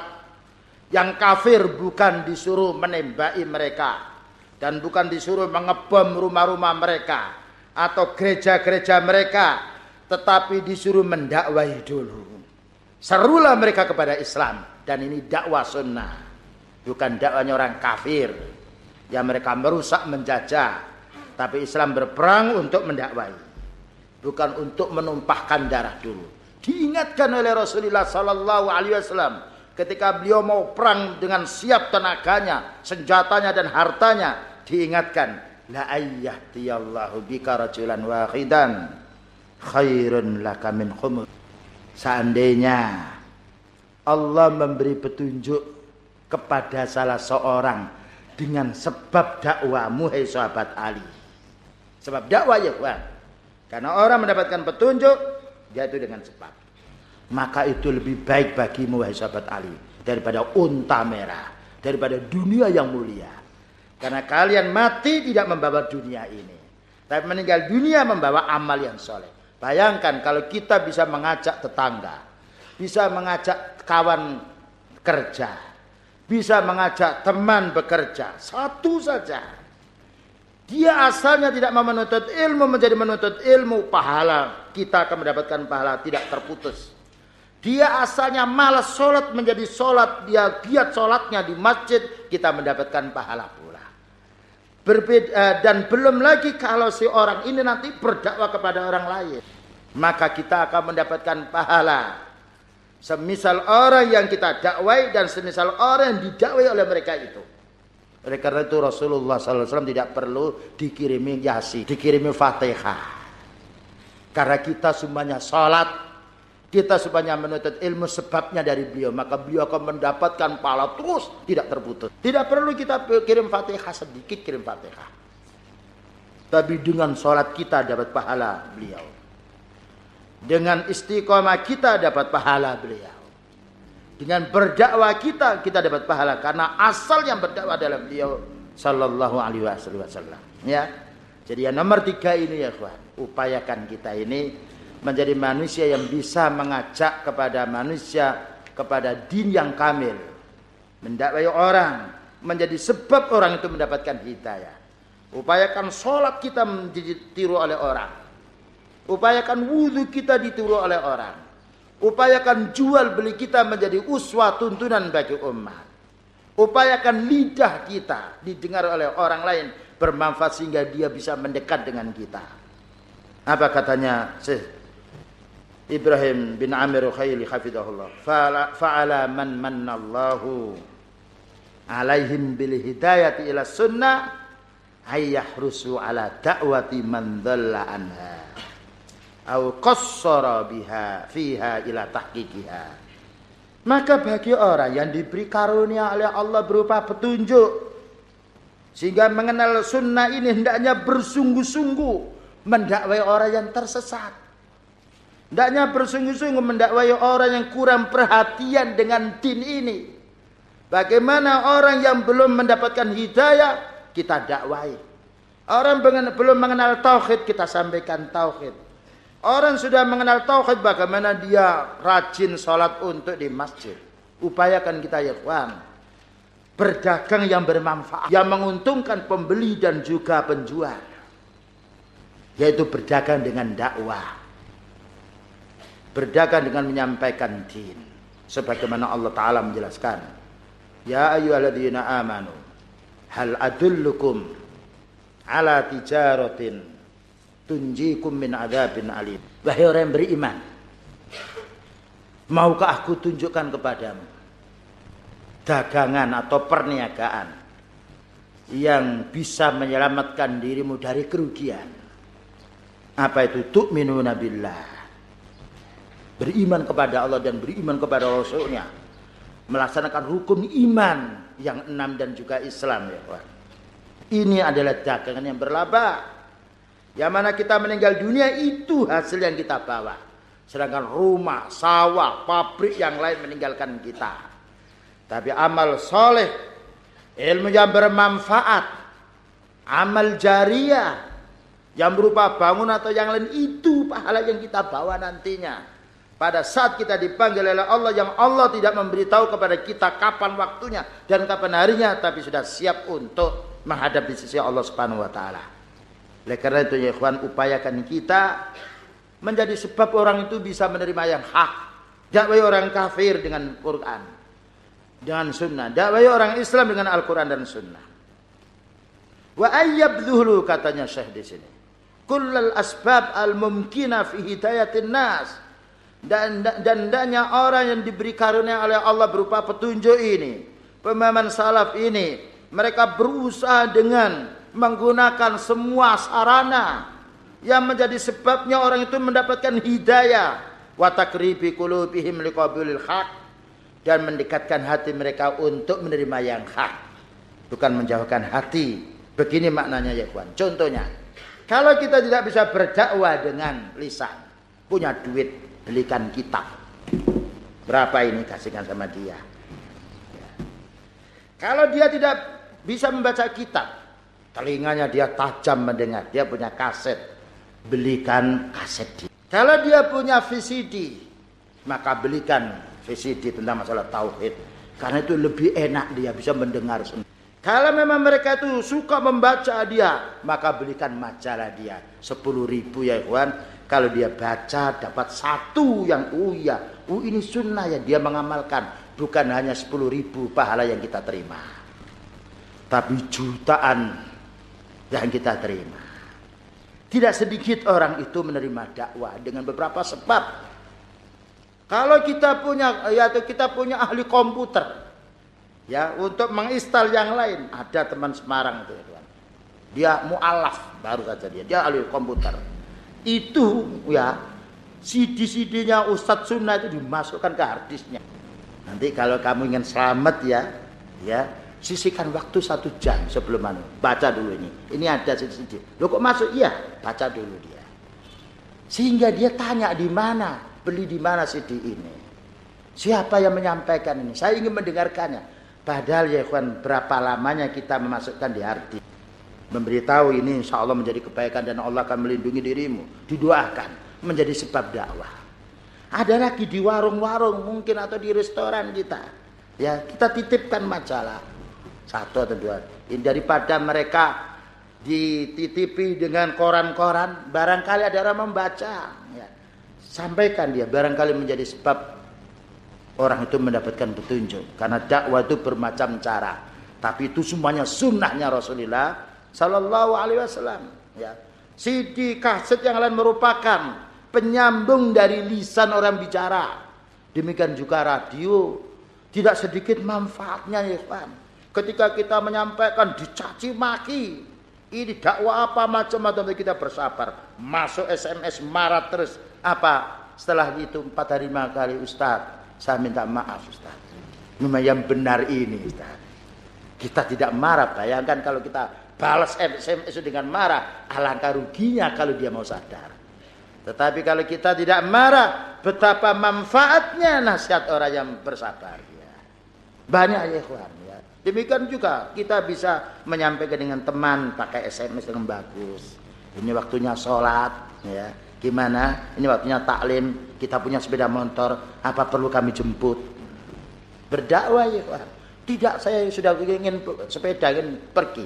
Berapa kalimat yang kita ucapkan tidak ada lima menit atau satu menit, tapi pahalanya bermenit-menit kita mendapatkannya. Itulah maknanya hendaknya kita ya orang kaya bisa berdakwah dengan duitnya. Orang punya kedudukan bisa berdakwah dengan kedudukannya. Tidak sedikit orang yang punya pabrik dia uh, punya peternak ya kawan. Dia ternak dia. Ini karena kita di sini juga banyak pegawai. Dia ternak ayam, pegawainya itu dibelikan fathul masjid semuanya. Suruh ngaji dia. Ada lagi juga pabrik micin juga di Sidoarjo sana. Orangnya mualaf baru masuk Islam dia. Ngasih mobil saya, mobil Peso tahun 504. Ini Ustaz untuk ini. Barangkali bisa diperbaiki. Itu semua pegawainya padahal dia mualaf dia beli majalah yang lain dikasih dia. Diajak dalam satu mobil diajak dari Malang menuju ke eh, apa itu eh, Mojokerto dia. Berdakwah ya, wah. Ya, berapa bensin yang terbakar untuk mengantarkan mereka tapi berapa pahala yang mereka beroleh. Upayakan kita bermanfaat. Hidayatul khalqi ila hadatin. Baik. Kemudian juga ya, ikhwan. Kita mendai mereka itu dengan bahasa yang lembut. Jangan nanti kita di hadapan ini pernah saya dihadapi dengan para sebab semangat karena jenggotnya panjang dia. Ada pengurus di sini dia, jenggotnya dicukur. Ustadz bagaimana hukumnya mencukur jenggot? Saya tanya kenapa nggak tanya hukum yang lain? Kenapa tidak bertanya hukum yang lain? Ini tidak punya adab dia. Belum itu benar. Seperti makan ini loh, cekek kata bahasa Jawa. Lain silahkan minum. Sama-sama ya Tuhan, tapi dengan tekanan yang keras dengan lembut. Kehausan kamu ya minumlah. Lain dia. Tapi kalau dengan lembut, beda bahasa saja ditekan dengan dilembutkan. Tapi orang mukmin senang dilakukan dengan lem, lembut. Karena itu ingatlah pesan Allah Ta'ala kepada Nabi Musa dan saudaranya Harun alaihi wassalatu wassalam. Apa katanya Allah Ta'ala? Idhaba ila fir'auna innahu tagha fakul fakula lahu qawlan layyina Wahai Nabi Musa dan Nabi Harun, ini utusan Allah yang ahli tauhid. Pergilah kamu kepada pemimpin Fir'aun itu, dia itu togut. Dia itu mengatakan dirinya Tuhan sebagaimana Allah menjelaskan ana rabbukumul a'la. Saya ini Tuhanmu yang paling tinggi. Paling puncaknya orang berbuat syirik dan paling presidennya orang berbuat kufur dan syirik dia. Tetapi Allah Subhanahu wa taala memerintah kepada nabinya bukan ambil racun, racun dia. Ya. Ambil bom-bom dia, bukan begitu dia. Karena dakwah itu bukan merusak, dakwah itu memperbaiki. Apa katanya Allah taala? Fakula lahu qaulan layyina. Ini ayat Al-Qur'an ya, kawan. Jangan dihapus, jangan diganti dengan orang-orang yang emosi. Jangan diganti dengan jihad palsu. Apa pesan Allah Ta'ala kepada Nabi Musa dan Nabi Harun alaihi wassalatu wassalam? Maka berkatalah kamu kepadanya dengan perkataan yang lembut. Dalam ayat yang lain la'allahu yatadzakkaru aw yasha. Barangkali dia bisa mengambil peringatan barangkali karena peringatan karena hidayah itu datangnya dari Allah bukan datangnya dari kita. Kita hanya menyampaikan wa ma 'alaika illal balaghul mubin. Sebagaimana disebutkan di dalam ayatnya. Tidak ada kewajiban bagimu hai Nabi melainkan hanya menyampaikan. Masalah urusan hidayah itu haknya Allah taala. La'allahu yatadzakkaru aw yakhsha. Barangkali dia itu mau mengambil peringatan dan mau sadar dia. Ini ya kawan tidak menjamin bahwasanya orang menasihati pemimpin mesti mesti harus diterima. Tetapi adab akhlak menasihati waliul amri bukan digelar di tengah masyarakat. Bukan masuk di dalam internet bukan masuk dalam surat kabar. Bukan di atas mimbar itu bukan menasihati tapi menghibah karena tidak ada presidennya. Tidak ada waliul amrinya. Tapi namanya nasihat didatangi. Dan dengan bahasa yang halus. Bayangkan ini manusia yang sudah rusak akidahnya. Yang ditetapkan di neraka akhir hidupnya. Tetapi Allah memerintah. Fakula lahu qawlan. Maka bagaimana dengan orang yang dia beragama Islam? Bagaimana apabila itu para dai? Makanya beliau menjelaskan di sini. Fa'amarallahu bimukhatabati man akhbara an tuhyanihi maka Allah memerintah kepada Nabi Musa dan Nabi Harun alaihi wassalatu wassalam agar mewawancarai agar menasihati orang yang puncaknya dia berbuat dosa. Wa alima annahu yamutu alal kufri tetapi bilin dan dia tahu bahwasanya dia akan mati dalam keadaan kekafiran tetapi Allah menyuruh hendaknya membicarai orang itu, mendakwi orang itu dengan lembut. Ini musuh Allah ya ikhwan. Harus disampaikan dengan lembut. Karena kita bukan ingin merusak, bukan ingin membuat manusia lari, tetapi ingin membuat orang itu dekat. Kalau kita jual barang, ya, mata kita hanya mendelik begini, atau menajamkan mata, bermuka yang hitam dan tangan kita menunjukkan marah. Bagaimana orang mau menawar? Makanya sekarang penjual-penjual harus memasang wanita yang mensam-mensem dan tertawa dia supaya tertarik dia restoran-restoran dipasang wanita-wanita yang cantik ya bersabar, ber, berlemah lembut dia. Mau apa? Diantarkan, ya. Di mana tunjukkan? Pramugari pramugari dipasangnya karena untuk menggait, untuk mendekatkan orang. Cuma mereka dengan jalan yang haram. Kalau orang ingin berkeuntungan duniawi, dagangannya lah, biar beruntung, biar laku ya kawan. Pakai bahasa yang lembut. Promosi-promosi yang lembut. Bagaimana orang mengajak orang untuk memperbaiki hatinya dengan kasar. Maka ini mestinya dibutuhkan lebih lembut. Karena kita memperbaiki hati bukan memperbaiki badan. Orang yang sakit datang ke dokter bukan langsung dikasih obat dia. Dan bukan dengan dosis yang tinggi agar mati dia tidak. Tetapi dilihat dulu. Diturunkan dulu panasnya dia. Dicek dulu pernafasannya diturunkan dulu gulanya dia. Sampai terakhir dia mau dioperasi. Ini dokter fisik, bagaimana dokter jiwa? Yang Allah Subhanahu wa taala memuliakan dokter jiwa ulama sunnah ini lalu berbuat kasar mulutnya kepada umat. Naudzubillah min dzalik. Ikhwan, ya perlu kita memahami dalam din ini rahmatnya Islam bagaimana bisa dirasakan oleh semua umat. Wa kadzalika mukhatabatul mad'uwina katanya saya Ibrahim Ar-Ruhair bil alqabi allati tatanasabu ma'a makanatihim. Demikian juga hendaknya para dai ini memanggil orang yang didakwai ini dengan gelar-gelar yang sesuai. Jangan dipanggil ya Allah. Ada lagi saya itu dipanggil itu loh Pak D. Tapi enggak apa-apa. Pak D itu bapak yang gede. Datang ke sana kemari Pak D itu loh, kok begitu dia. Sampai murid-murid masyarakat datang, ya enggak mau saya enggak sakit, kenapa kalian sakit? Biarkanlah dia. Nanti kan berhenti sendiri. Enggak mau berhenti ya enggak apa-apa dah. Ya. Bukan mengerti ya kurodi, ya yang lain enggak. Ya iblis, ya syaitan bukan. Loh, Rasulullah sallallahu alaihi wasallam menulis surat Keraja Herakles ini kan orang kafir, orang Nasrani dia. Apa katanya ilahi ilahi Herakla adimi Romawi kepada Raja Herakles. Pemimpin Romawi disebut pemimpin Romawi. Disebutnya wah Ini bukan wala. Ya. Tapi orang perlu disebut kedudukannya. Supaya dibedakan dengan orang biasa. Wa kana yakni Abdullah ibnu Ubay bin Salul bi Abi Al-Habbab.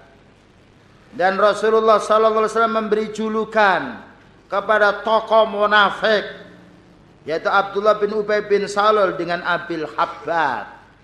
Tidak dipanggil Abu Jahal. Abu neraka bukan. Abu Jahannam tidak. Loh sekarang dai ada yang mengaku dirinya Salih manggil orang gampang saja dia. Naudzubillah min dzalik. Di mana adabnya?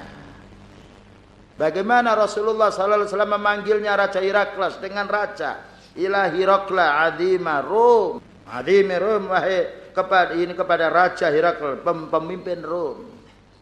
Dipanggilnya tokoh munafik yang membenci kepada beliau sallallahu alaihi wasallam dan para sahabatnya dipanggilnya Abil Habbah tidak dipanggilnya Abu Jahannam dan juga semisalnya.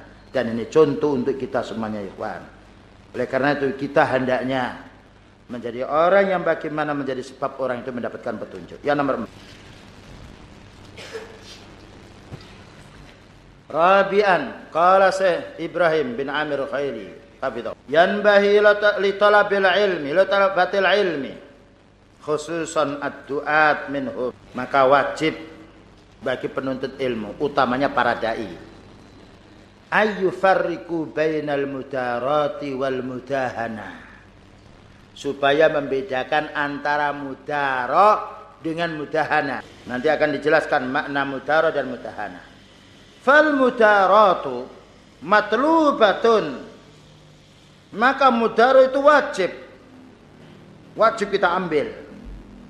Wajib kita miliki wahia muta'alliqatun billin fil muamalah. Mudar itu maknanya berhubungan dengan lembutnya kita bergaul dengan orang. Ya. Jadi lembutnya kita bukan kasar kita. Bukan kita tidak berani dengan mereka. Bukan kita memuji kejahatan mereka tidak. Tapi bagaimana kita mensiasati orang yang berbuat dolim itu bisa menerima yang hak tidak lari. Bisa menerima yang hak bukan membiarkan yang yang kafir, yang kufur atau yang musyrik tidak. Tapi bagaimana kita menghadapi orang berbuat jahat, dia bisa menerima nasihat kita dengan kelembutan lisan kita itu namanya mudarat. Bersiasat kita mencari jalan yang lebih selamat yang tidak menyalahi sunnah sehingga orang itu bisa menerima yang hak. Bukankah dakwah Rasulullah SAW berbeda-beda? Menghadapi orang kafir, menghadapi orang munafik dan menghadapi orang yang ingkar, menghadapi orang yang menerima yang hak. Beliau menjelaskan mudaratun nas bagaimana disebutkan di dalam yaitu kitab Lisanil Arab mulayanatuhum wa husnu sukhbatihim wa ihtimaluhum li'alla yanfiru minka. Nah, ya. Ini makna mudarat dan ini pegangan untuk kita semua para dai dan juga para penuntut ilmu yang dimuliakan oleh Allah taala. Mudaratun nas itu maknanya bagaimana kita bisa berbuat lembut kepada yang kita dakwah dan bagaimana kita bisa bergaul mereka dengan baik. Dan bagaimana kita itu bisa bersabar atas gangguan mereka supaya mereka tidak lari. Nah, itu namanya mudar wajib. Ada orang yang sifatnya dia minum khamr. Kalau kita datang kamu di neraka loh, minum khamr, lari kan dia. Ya nggak apa-apa neraka saya tempati sendiri. Apa maumu? Selesai. Ya, tapi kalau kita ayo sholat dulu. Karena dia tidak waktu itu belum minum dia. Gimana kalau kita sholat? Kita dakwah dia sholat. Dia mau sholat ikhwan. Dia mau sholat kan dapat pahala. Tentang urusan dia minum khamar kan dosa dia. Tapi satu saat inna sholat tanha anil faksai. Sesungguhnya salat itu bisa mencegah, menghentikan perbuatan kecil dan juga mungkar. Satu saat orang akan meninggalkan khamar karena kita bisa mendakwai mereka. Ada orang berjudi. Ya. Jangan katakan judi ini dosa, neraka. Ya, tahu enggak kamu? Gimana akalmu? Ya, katakan di otak ini kan. Tapi ada orang demikian. Kamu tidak tahu ya judi, judi itu berdosa. Maka kita alihkan. Yuk, kita punya pabrik ini. Mau, kerja dengan saya? Ya, saya upayakan dulu nanti dapat kerja. Ini sekarang makan dengan saya nggak apa-apa dulu. Kita carikan kerja ini kan dakwah ya, Wah. Bagaimana orang pergi dari mana tadi? Berjudinya menuju pergi ke kerja. Itu namanya mudarah. Dia meninggalkan perkara yang disenanginya tidak dengan sakit hatinya. Tapi tadi matanya sudah memandang tajam, tangannya menampel lagi karena menganggap dia lebih kuat badannya, dia kurus orangnya. Lalu mengatakan kamu tidak berakal ya, maka bagaimana orang mau menerima? Dibaratkan orang yang minum tadi dia haus. Lalu dikata-katai dengan kata yang tidak enak. Lebih baik dia tidak minum daripada minum sakit hati hatinya. Ya kawan manusia punya perasaan yang sama. Jika antum, jika kita semuanya dilakukan dengan lunak, senang apa tidak senang? Senang, maka lakukan orang lain dengan lunak. Jika kita dicaci maki, marah, maka jangan mencaci orang lagi, lain sehingga sehingga dia marah. Sama ya kawan, fitrah man. Wal mudahanatu sedang sedangkan mudahana. Madmumatun itu tercela, haram hukumnya wa iya muta'alliqatun biddin. Yaitu yang mengorbankan agama. Ya jadi datang kepada orang penjudi gini nggak apa-apa kamu berjudi karena kamu masih sholat. Nah itu kan lain kan. Nggak apa-apa masih sholat. Oh infakmu banyak kok. Nggak apa-apa juga. Nah, itu namanya mudahana. Yaitu mudahana ini haram. Jadi menjilat dia. Mendiamkan kemungkaran sehingga orang merasa senang dengan kemungkaran. Nah ini yang dilarang oleh karena itu orang kafir berkata kepada Rasulullah sallallahu alaihi wa alihi wasallam dan juga berharap disebutkan di dalam surat Al-Qalam wattu lau tudhinu fayudhin. Mereka berharap kalau kamu itu bersikap lunak sehingga mereka itu lunaknya. Berharap mereka itu bisa datang kepada tempatmu sehingga nanti mereka datang ke tempatmu. Maunya diaturnya Rasulullah sallallahu alaihi wasallam. Sudahlah pagi kamu menyembah Tuhan Tuhan saya patung ini, saya sore nanti akan menyembah Tuhanmu. Turun ayat lakum dinukum waliyati. Ya. Jadi mudahana membiarkan kemungkaran. Apalagi memuji orang yang berbuat jahat. Disebabkan karena dia masih beramal soleh maka ini haram hukumnya. Tetapi kalau mudaroh itu tadi ya Tuhan. Bagaimana orang itu bisa menghentikan kemaksiatannya dengan jalan yang lembut dan dia lapang hati. Ada orang yang mau datang ke kuburan mau dia yaitu berziarah kubur. Ya, ya. Sudah diketahui harinya harinya. Nah, kita datang. Wah, saya dapat berita ini. Berita bagus sekali. Tempat sana ada taklim. Ya dan kita akan bertemu dengan kawan-kawan kita. Bahkan mungkin juga bertemu dengan saudara-saudara kita. Barangkali Bapak punya saudara-saudara. Oh iya saya punya saudara. Ayo kita bagaimana ke sana. Memalingkan dari tempat dia pergi ke kuburan kepada urusan taklim. Termasuk muda, muda. Jadi upayakan nomor empat ini. Bagaimana kita bisa mensiasati. Orang yang kita dakwai itu bisa dekat dengan kita atas kebaikan lisan kita dan sikap kita. Karena mendakwah itu maknanya mendekatkan orang. Kalau berbuat kasar membuat lari orang. Fal mudari katanya Syekh Ibrahim bin Amir Khairi khafidahullah. Fal mudari yalinu bil fil muamalati min ghairi ayyatana wala an syai'in min dinihi. Maka orang melakukan mudaro yang bersiasa dia lunak ketika bermuamalah dengan orang tetapi tidak mengorbankan agamanya sedikit pun. Sedangkan wal mutahinu yataqarrabu lin-nasi bitarki syai'in minad-din. Sedangkan mudahin pengecut adalah orang yang mendekati orang. Mendekati penguasa, mendekati kursi dengan membuang agamanya. Yang asalnya dakwah tauhid ketika naik di kursi dakwanya dakwah duit. Nah, diingatkan kita oleh Allah Ta'ala. Ceritanya Bal'am bin Ba'ura. Yang mana di dalam surat Al-A'raf 175-176. Baca sendiri nanti. Watlu alaihim naba alladhi atainahu ayatina fansalakha minha.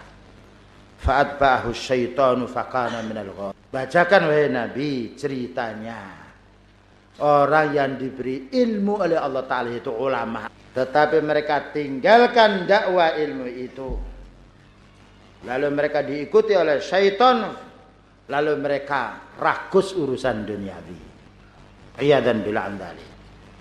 Asalnya dakwah tauhid malah dakwah mengumpulkan. Ya. Jadi dakwah tauhid ya kawan dakwah yang dimuliakan oleh Allah Ta'ala. Dakwah yang menjadi sebab orang itu masuk di dalam surga menjadi sebab orang itu mendapatkan hidayah menjadi persatunya umat sebaliknya dakwah syirik dakwah bid'ah dakwah hizbi memecah belah umat iya dan bila Waqad kana Nabi sallallahu alaihi wasallam ahsanan nasi khuluqan wa arfaqahum bil umma adalah Nabi sallallahu alaihi wasallam manusia yang paling baik akhlaknya dan paling lembut kepada umat. Arfaqahum bil umma ya ikhwan. Wahada yumassilu janibar rifki walin min hatihi sallallahu alaihi wasallam. Dan ini perwujudan lemah lembutnya Rasulullah sallallahu alaihi wasallam. Menghadapi musuh-musuhnya lihat ketika melihat Abdullah bin Ubay bin Salol yang itu tokohnya orang munafik mau dibunuhnya oleh Rasulullah sallallahu alaihi wasallam. Tapi bila berpikir kawan-kawannya sudah banyak masuk Islam dan baru masuk Islam kalau dibunuh tokohnya ini, maka mereka akan murtad kembali. Maka beliau berlaku lunak, berlaku lembut. Sampai meninggal dunia pun bajunya diminta oleh Abdullah, yaitu anaknya Abdullah bin Ubay bin Salul. Diberikan oleh Rasulullah SAW. Karena ini merupakan perbuatan baik bukan wala. Kalau ada orang kafir dia telanjang minta baju kasih ya, Tuhan. Itu bukan wala. Tapi itu perbuatan baik. Tahadu tahabu. Berilah hadiah akan timbul kesenangan dalam hati. Baik. Fa'ala talibil ilmi. Ini nasihat beliau. Mura'atul farqi bainal amrain. Maka penuntut ilmu harus membedakan dua perkara ini. Ya jangan sampai kita sama ratakan. Jadi kalau ada ustadz kok datang kepada orang ahli bid'ah. Oh, mubtadi dia. Jangan gampang minta datang apa mungkin dia menagih utang, apa tidak boleh? Ya. Apa tidak boleh orang menagih utang? Atau mungkin dia sedang membeli barang. Sekali duduk dengan mereka dikatakan mubtadi. Nah kalau kita naik pesawat duduk dengan siapa? Dengan orang ahli sunnah? Dengan orang kafir, dengan orang Belanda, dengan orang Amerika karena mereka banyak duitnya. Apa kita dikatakan seperti mereka? Nah, min Kita akan ke pasar, apa pasar ada asal pasar salafus soleh semuanya. Astagfirullah. Hmm, ya. Pasar macam-macam. Ya. Ada orang kafir, ada orang tidak sholat, ada orang menyampaikan bid'ah. Kita ke pasar jual beli. Ya, bukan menyembah bid'ahnya mereka. Maksiatnya mereka tidak habis membeli pulang. Ya, ini kadang-kadang mata mereka melihat, oh, loh, si dia duduk dengan mereka loh. Dia berdakwah, dia diorganisasi. Berdakwah ya kan Allah mengatakan ya Yuhanna. Saya ini dituduh apa? Dituduh sururi, tapi saya diam aja. Ketika ada SMS menelusuri, kapan kamu membahala dengan saya? Karena tahu orangnya ini orang tidak benar. Hidupkan teleponmu, saya akan telepon. Dimatikan dia. Dan menunjukkan gak beres kan. Itu loh dia dakwah di Muhammadiyah. Lo berdakwah ya kawan. Itu kan orang muslim. Dituduhnya dia berdakwah dengan manusia. Allah mengatakan kul ya ayuhal kafirun. Wahai Nabi dakwah orang kafir itu. Bapak dari orang kafir kita di rumah orang kafirnya di Sulawesi sana kita di sini gitu ya tidak. Namanya dakwah datang dia. Kul ya alal kitab. Katakan wahai ahli kitab, mendakwai ahli kitab. Ya ayuhan nas, mendakwai manusia. Kita bukan mendakwai kera. Bukan mendakwai kambing diki, manusia dia. Manusia itu macam-macam yang ada yang ahli bid'ah, yang ada ahli syirik, ada yang awam, ada yang ahli subhat, ada yang haroki, ada orang sufi, falsafat yang dakwai. Orang mendakwai itu bukan walak kepada mereka. Rasulullah SAW didatang orang kafir bukan diusir. Hei kamu kafir, pergilah tidak. Karena kita mendakwai. Dilakukan dengan lembut barangkali ada manfaatnya ibaratkan orang dagang. Tidak mengapalah orang itu berkali-kali datang tidak mau membeli barang kali sekarang mau membeli dia. Ya maka kita ya kan harus memahami diri. Dan jangan gampang menuduh orang. Berikutnya. Fa inna minan nas. Man qad yadhunnu anna mutaratan anna mutaratan nasi wa rifqa bihim dhafun fid din wa tamyi'un. Nah ini kata beliau karena memang pernah terjadi ada sebagian manusia mengira, menduga bahwasanya berlaku mudarat, berlaku lembut kepada orang-orang yang sifatnya berbuat jahat itu. Dikatakan oh ini lemah agamanya, lembek dia, mumayyik dia, tamyik enggak enggak kuat dia, enggak berani dia. Orang berani itu bukan berarti orang yang kuat badannya ya kawan. Laisa sadidu bisurah. Bukan kuat itu yang pandai kulat. Tetapi orang yang mampu menahan dirinya dari nafsunya, dari marahnya. Ya. Ada pembegal yang lain, belum ada dicari dulu jalan. Ada orang ditunggu, yaitu eh, ada pabrik ya, ditunggu oleh penunggunya. Yang mencuri itu penunggunya. Baik, dikira oh dinyatakan ini orang lain mencuri, mencuri. Setelah difahami bahwa bukan tidak ada pencuri lalu caranya bagaimana menangkap dia? Diajak makan di warung. Setelah itu tidak diajak dimakan di warung tapi dimasukkan ke kepolisian dia. Ini berarti bagus dia. Itu satu cara. Dan menangkap orang berbuat jahat.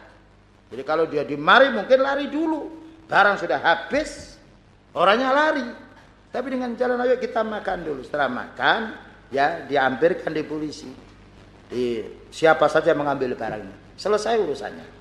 Demikian juga ya kawan. Ya. Kita harus berhati-hati dalam masalah mengeluarkan ucapan. Banyak para ulama, Syekh Abdul Aziz bin Baz rahimahullah dikatakan ulama head. Ya, Ibnu Utsaimin rahimahullah dikatakan mumayyid tidak berani dia, enggak berani menantang pemerintah katanya. Naudzubillah min. Apa kata beliau selanjutnya? Bainama yadunnu fariqun akhara anna minar rifqi bin nasi ikrarahum 'alal batil. Ada lagi yang menduga sekelompok manusia bahwasanya berlaku lembut dengan orang itu berarti menetapkan atau mendukung kebatilannya. Naudzubillah min. Dikira orang itu enggak berani. Masa dia ulama sudah tahu kemungkaran, kok tidak ditegurnya? Dikira kalau menegur kemungkaran itu dengan bom, dengan unjuk rasa, dengan mogok tidak makan, dia membendung jalan. Itu bukan pekerjaannya akal yang sehat ya Pak. Orang tidak makan kan ruginya dia sendiri. Memanas di jalan kan sakit kan dia sendiri. Tidak akan ada manfaatnya untuk orang yang dihajar semacam demikian itu. Jadi ada dua kelompok nih. Kalau orang yang membiarkan kemungkaran dikatakan orang yang tidak mau mendakwah dikatakan dia membiarkan kemungkaran. Padahal ulama sunnah itu kalau berdakwah tidak harus memberitahu orang. Ya. Uh, saya sudah datang ke presiden tidak begitu. Ya. Karena nasihat harus ikhlas. Dan bagaimana orang dinasihati dia menerima dengan tidak disebarkan aibnya kepada orang lain. Wakil al fariqaini kata Syekh Ibrahim Ar-Ruhaili mukhtiun ta'ihun anil haq. Dua kelompok ini adalah orang yang salah dan orang tersesat dari jalan yang benar. Falyantabih li hadzal amri katanya Syekh. Perhatikan perkara ini ya ikhwan. Fa innahu muslikun khatirun la yu'sam minhu illa man waffaqallahu taala maka ini adalah tergelincir yang sangat membahayakan yang mana orang tidak akan selamat kecuali orang diberi petunjuk oleh Allah. Yang nomor khamisan Lidda'i fi da'watin nas maslakani syar'iyyat syar'iyyani dallat alaihima an-nusul. Dai ya ketika mendakwai orang dua punya cara. Ya. Jadi ada dua cara. Jangan disamakan. Cara ini ada tempatnya sendiri-sendiri. Pertama, masyarakat ta'allufi wa tarhib. Dengan cara lembut dan mengikat hati, memikat hati. Siapa itu orang yang awam, orang yang gampang taklim, tapi dia masih banyak maksiat tidak tahu apa-apa dengan yang lembut dia. Wa maslakal hajri wa tarhib dan menempuh dengan jalan membaikot dan juga mengancam. Siapa ini bagi orang yang sudah kemasukan din. Akan tetapi mereka masih mendurakai, menolak din ini. Ya, jadi ada jalan, ada jalan yang lunak dan ada jalan yang kasar. Jangan sampai orang yang berhak dilunak lalu kita kasar itu membuat manusia lari. Dan ada orang itu mestinya dikasar lalu dilunak tidak ada faedahnya kita. Karena itu dijelaskan di sini wa yukhti'u man yu'ammimu wa yukhti'u man yu'ammimu akhadal maslakaini ma'a kulli wahid. Salah bagi orang yang menyatara, menyamaratakan untuk menempuh salah satu dua jalannya. Akhirnya dianggap rata semuanya. Orang awam, orang anu langsung di bid'ah yaitu ditabdik semuanya. Jadi orang tidak tahu apa-apa. Kamu tahu sururiyah, tidak tahu apa-apa. Kamu tahu tentang perkalian orang ini dan orang ini. Orang itu butuhnya kalau Allah Ta'ala ya kawan butuhnya kala Nabi sallallahu alaihi wasallam untuk memperbaiki akidahnya, untuk memperbaiki akhlaknya dia. Bukan butuh orang itu maksiat, orang itu begini, orang itu begini, bukan. Itu kabar koran, kabar internet, kabar dunia. Yang itu sumbernya dari orang yang dengki, orang munafik, orang Yahudi, Nasrani, orang yang tidak baik hatinya. Tapi orang yang baik hatinya menyampaikan aksan al-hadis. Yaitu kalau Allah Ta'ala menyampaikan aksan al-huda yaitu petunjuknya Nabi Muhammad sallallahu alaihi Bal yasluku ma'a mukhalifin ma huwa arja fi qabulihi lil haqqi wa ruju'ihi lis Maka hendaknya penuntut ilmu, hendaknya para dai menempuh jalan yang bagaimana bisa diharapkan orang itu bisa untuk menerima yang hak. Kalau orang itu lembut, kalau orang itu awam dilakukan dengan lembut dia. Kalau orang itu dia menolak, menentang dan bila dilakukan kasar akan berhenti, dilakukan keras, dibayakot dia akan berhenti, lakukan dengan baikot. Berarti ya ikhwan tidak gampang orang berdakwah. Dia harus punya modal. Oleh karena itu, ketika uh, Syekh Ibnu Utsaimin rahimahullah menjelaskan man ra'a minkum munkaran falyughayyir biyadi. Barang siapa yang kalian melihat kemungkaran maka rubahlah dengan tangan maknya melihat. Melihat itu ada tiga macam. Pertama orang yang ingin mengingkari dia harus mengenal apa kemungkaran itu. Jangan sampai orang itu ingkar mungkar tapi tidak tahu mungkar. Sehingga yang baik dikatakan mungkar, yang mungkar dikatakan baik. Jangan berdakwah. Kalau orang buta tidak boleh dakwah. Ya. Jadi orang yang mau menegur kemungkaran, dia harus tahu kemungkaran. Apa itu kemungkaran? Yang nomor dua harus tahu siapa orang yang berbuat mungkar. Karena orang berbuat mungkar itu ada kalanya orang tuanya. Apa anak mau mementung atau memukul kepalanya orang tua. Ada kalanya berbuat kemungkaran itu penguasa.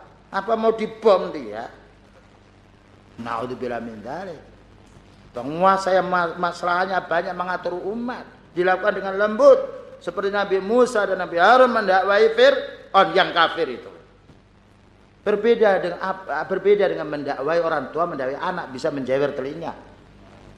Tapi orang tua dijewer telinganya oleh anaknya umur lima tahun, orang tuanya besar seperti saya. Nah kan parah kalau orang tua tidak tahu ilmu. Ya. Jadi dilihat dulu. Yang nomor tiga mencari jalan yang lebih mudah untuk diterima. Ya, mencari jalannya. Jadi at-tariq al-wusulu ilaihi. Nah, itu cara kita mendakwai, kawan. Pertama harus tahu apa itu mungkar. Yang nomor dua harus tahu siapa yang berbuat mungkar. Yang nomor tiga tahu jalan untuk menghilangkan kemungkaran itu. Rasulullah SAW pernah melihat orang Arab Badui kencing di mana? Masjid. Mungkar apa ma'ruf itu? Mungkar. Kencing masjid kencing. Para sahabat membantahnya, "Eh, keluar kamu." Da'hu, la tusrimuhu. Eh sahabat, biarkan dia. Jangan kamu bentak, jangan kamu suruh keluar dia. Loh, Rasulullah SAW ingin berdakwah. Dan para sahabat juga ingin berdakwah dakwah. Ingin mungkar, mung, ingkar, mungkar semuanya. Tetapi beliau tahu ini orang Arab Badui tidak tahu apa-apa dia. Orang awam dia. Kalau tahu tentunya tidak kencing di masjid. Apa kata beliau? Berhentikan biar dia kencing. Sebab kalau dia kencing di tempat itu paling paling yang najis hanya tempat itu dia. Tapi kalau dia dibentak kencingnya akan lari dia. Berapa tempat yang najis? Satu. Kemungkinan dia akan telanjang dia. Bahaya lagi dia telanjang di masjid. Gimana masjid di tempat orang telanjang? Kemungkinan juga akan kena bajunya dia. Berapa madaratnya? Tetapi setelah selesai kencing, katanya beliau ambilkan air satu timba. Beliau menyiram sendiri. Orang Arab Badui berpikir ini Rasulullah SAW. Kok baik dengan saya ya? Apa katanya? Allahumma arhamni wa Muhammadan wa la tarham min ghairina. Ya Allah, wa la tarham ma'ana ma'ana ahadan. Ya Allah, rahmatilah saya. Belas kasihannya Nabi Muhammad SAW. Dan jangan kau belas kasihan kepada yang lainnya. Padahal sama berdakwanya ya kawan. Sama kemungkarannya tapi beliau tahu siapa yang berbuat mungkar. Dan beliau tahu caranya mengingkari kemungkaran ini. Loh itu satu contoh. Tidak disamaratakan. Tetapi ketika sahabat Umar membaca kitab Taurat. Apa Rasulullah SAW membelalakan matanya merah. Ya, karena beliau karena Umar bin Khattab radhiyallahu anhu tahu dia. Setelah melihat sikapnya sahabat eh, Umar radhiyallahu anhu kepada Nabi sallallahu alaihi wasallam ketika melihat sikapnya beliau apa katanya raditu billahi rabba wa bil islami dina wa bi muhammadin nabiyya wa rasul. Dan ini satu dakwah. Berbeda beliau marah karena sahabatnya itu sudah faham dan andikan marah tidak berbahaya kepada sahabatnya tapi bermanfaat. Ini satu dakwah ya kawan. Dan contohnya silakan kita melihat bagaimana sejarahnya Rasulullah SAW berdakwah dan juga para sahabatnya butuh ilmu dan butuh beberapa kitab yang harus kita baca. Berikutnya. Kala Syekhul Islam. Oh, Faman salaka maslakat ta'lifi ma'aman yusra'u fi haqqil hajri. Kata saya Ibrahim Ar-Ruqaili Allah. Barang siapa yang menempuh jalan lunak padahal mestinya orang itu harus dibaikotnya harus dilakukan dengan keras. Fawa muqassirun mufritun. Berarti orang itu gegabah dia dan orang itu lalai dia. Jadi tidak ada manfaatnya. Wa man salaka maslakal hajri ma'aman yusra'u fi haqqihi ta'lifu fawa munaffirun mutasyaddidun Barang siapa yang menempuh jalan dengan membaikot padahal orang itu tidak berhak untuk dibaikot. Orang itu berhak untuk dilakukan dengan lembut, berarti dia membuat orang lari dan orang itu ekstrim dia. Bagaimana dia akan bermanfaat dakwanya? Karena itu ikhwan kita harus memahami dakwah ini dengan baik. Berkata Syekhul Islam Ibnu Taimiyah rahimahullah. Wa hadzal hajru yakhtalifu bi ikhtilafil hajirina fi quwwatihim wa dhafihim wa qillatihim wa kasratihim maka pembaikotan penghajaran itu berbeda dengan macam-macamnya orang yang menghajar. Dilihat dari sisi kuatnya orang menghajar ini.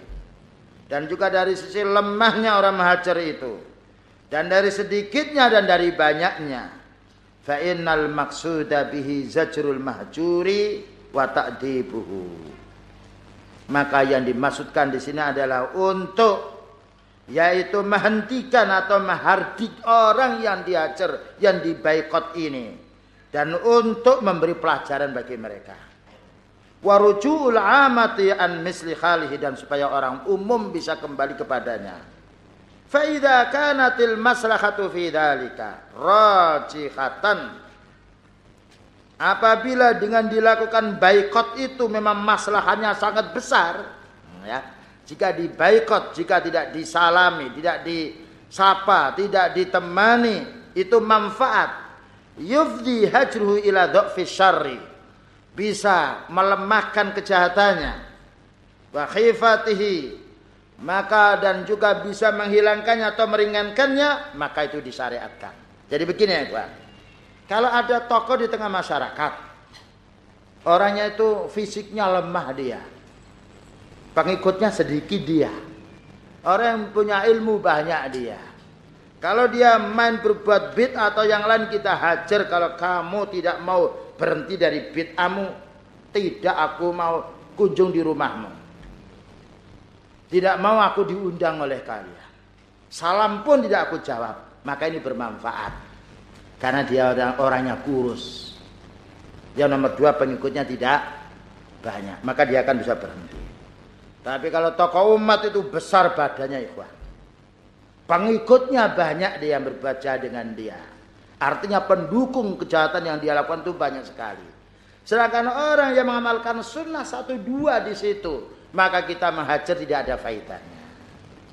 Bisa jadi kita akan dimakan oleh mereka walaupun tidak mulut ya tidak lewat mulut atau diusirnya. Nah, karena kita tidak memiliki kekuatan. Bisa juga kita diusir jangan kamu tinggal di tempat ini. Ya, oleh karena itu bukan sembarang kita menghajar orang. Dilihat dulu siapa yang menghajar dan siapa yang dihajar. Berikutnya. Faida kanat. Nah, Wa idza kana la dan apabila tidak bermanfaat al mahjuru kepada orang yang dibayqat wala ghairuhu dan tidak bermanfaat kepada pengikutnya. Yartadi bidzalika dia tidak mau jerat yang demikian itu. Bal yaji bal yazidu syarru bahkan akan bertambah yang jahat. Wal hajiru dhaif sedangkan yang hajar orangnya lemah. Bihaitsu yakunu mafsadatu dzalika rajihatan ala maslahatihi yang akan mendatangkan kerusakan lebih banyak daripada kebaikannya. Lam yusra'il hajru. Maka tidak disyariatkan hajar. Contohnya begini. Pernah ada santri kita ya kawan. Di Mahat Al Furqan semangatnya benci kepada nyanyi. Udah kan dia baru-baru masuk. Masyarakat itu sudah baik. Sedikit demi sedikit. Karena kita hidup di tengah membangun masjid eh, membangun pondok itu tidak dari awal sawah kemudian kita dirikan masjid dan pondok tidak tapi di tengah masyarakat yang itu ada amalan bid'ah yang kufur yang syirik yang lainnya. Baik kita berdakwah. Alhamdulillah Allah Subhanahu wa taala memberikan petunjuk kepada kita semuanya. Satu saat ada orang yang sedang wali ma'rus. Orang awam kan pakai sensor sistem sistem eh, sensor sistem apa ini sound, sound system sound system sound itu nyanyian sistemnya itu Ya, itu dihadapkan ke tempat yang ber, ini ma'had itu di, dihadapkan ke sana gitu. Kan sudah menghormati kita kan. Suaranya kecil didengar. Datang santri ini. Pak, katanya ustad, katanya ustad ya. Wah, saya dapat korban ini. Katanya ustad, nyanyian itu dilarang, haram hukumnya, neraka nantinya. Langsung dibelokkan ini. Menuju. RT-nya datang. Ini Ustaz ini santrinya tadi ngomong bahwasanya nyanyian itu haram katanya Ustadz yang beritahu. Saya panggil gimana kamu ngomong begitu? Ya kan benar ya kamu ini namanya orang berdakwah ya. Dia tidak tahu caranya yang asalnya tadi kalau tidak dinasihati, dia menghadapnya ke mana? Ke tolak belakang dan itu kita masih ringan. Kita bisa mengajar, masih bisa. Tapi setelah dihadapkan kita malah bingung. Ya, ini namanya tidak membawa maslahat tapi membawa madarat. Tidak boleh. Makanya Ibnu Taimiyah rahimahullah ketika berjalan dengan muridnya lalu menjumpai orang peminum khamar, mabuk-mabuk, teler dia. Apa katanya muridnya? Ya Imam, kenapa tidak dinasihati dia? Ya, padahal jelas dia minum khamar. Begini dijelaskan oleh beliau. Allah mengharamkan khamar karena khamar itu membendung orang yang sholat. Sedangkan orang yang minum khamar ini mabuk-mabuk, dia membendung dari membunuh orang. Dia membendung berbuat zina dan juga yaitu mengambil barangnya orang dia. Kalau dia saya nasihati jangan minum khamr, dia akan membunuh orang Islam banyak. Dan dia akan menzinai wanita-wanita. Dia dia akan merampok. Biarkan dia minum khamr madaratnya untuk dirinya sendiri. Kalau ditegur dia madaratnya untuk orang lain. Ini bukan bukan berarti membiarkan kemungkaran, tapi melihat masalah ada madarat. Ya.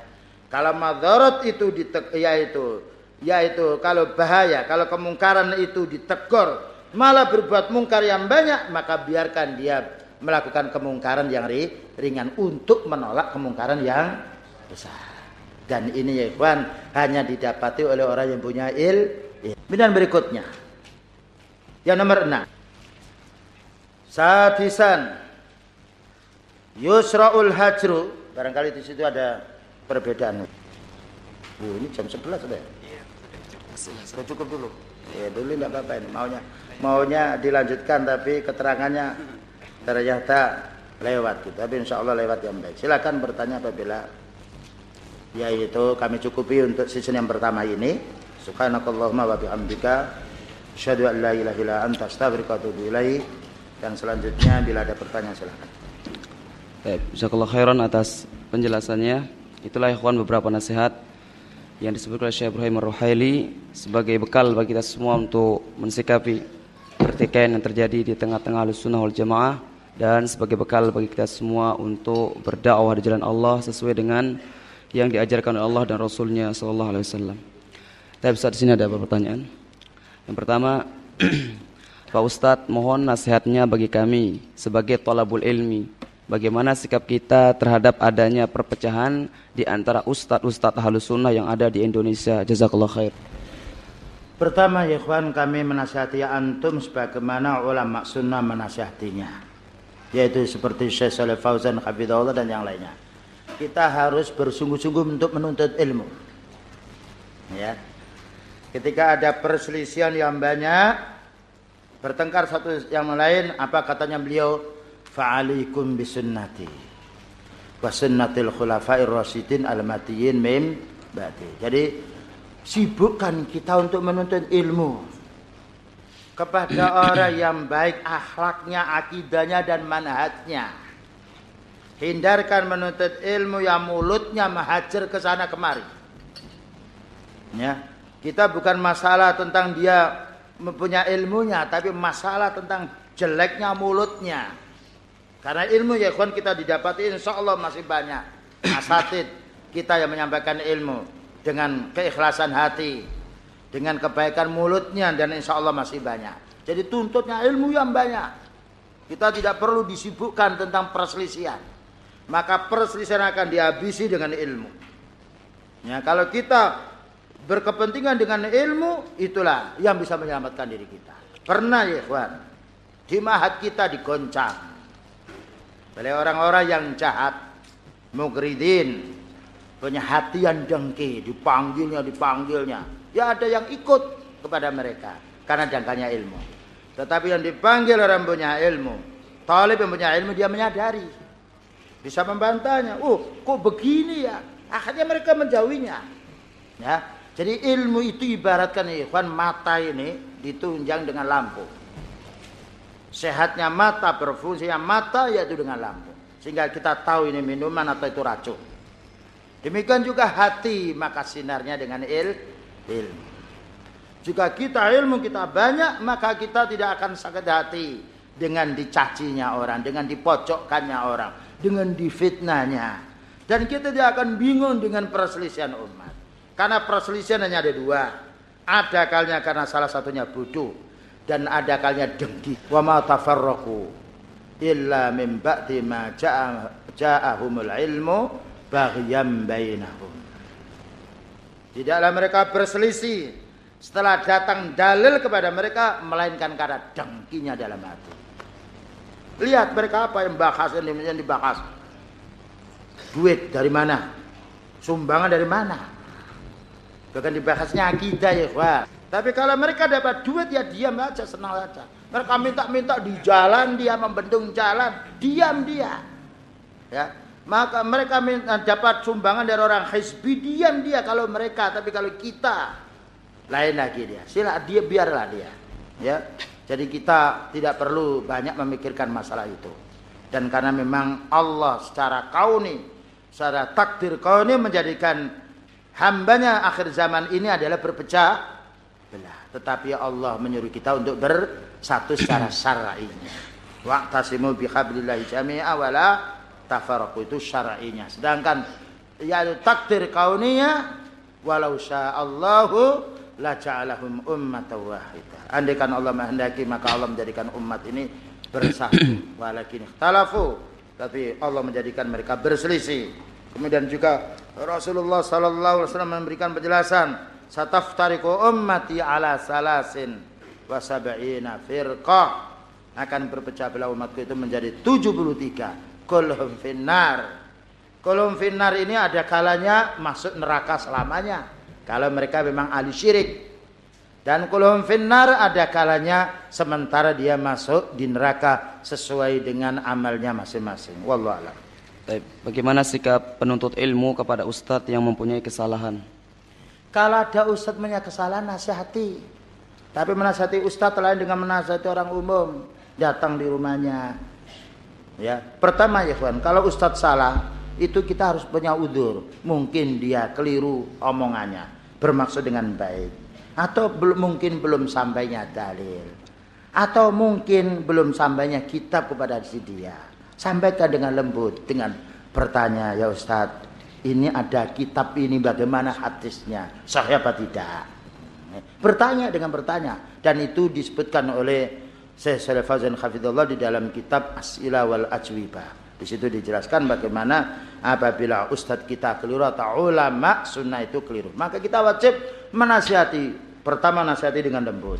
Ya. Yang nomor dua kita hendaknya me, yaitu menghormati ilmu mereka walaupun mereka tidak ingin dihormati tapi karena Allah menghormati orang punya ilmu. Innama yakhshallaha min ibadihil ulama. Jadi Allah memuji.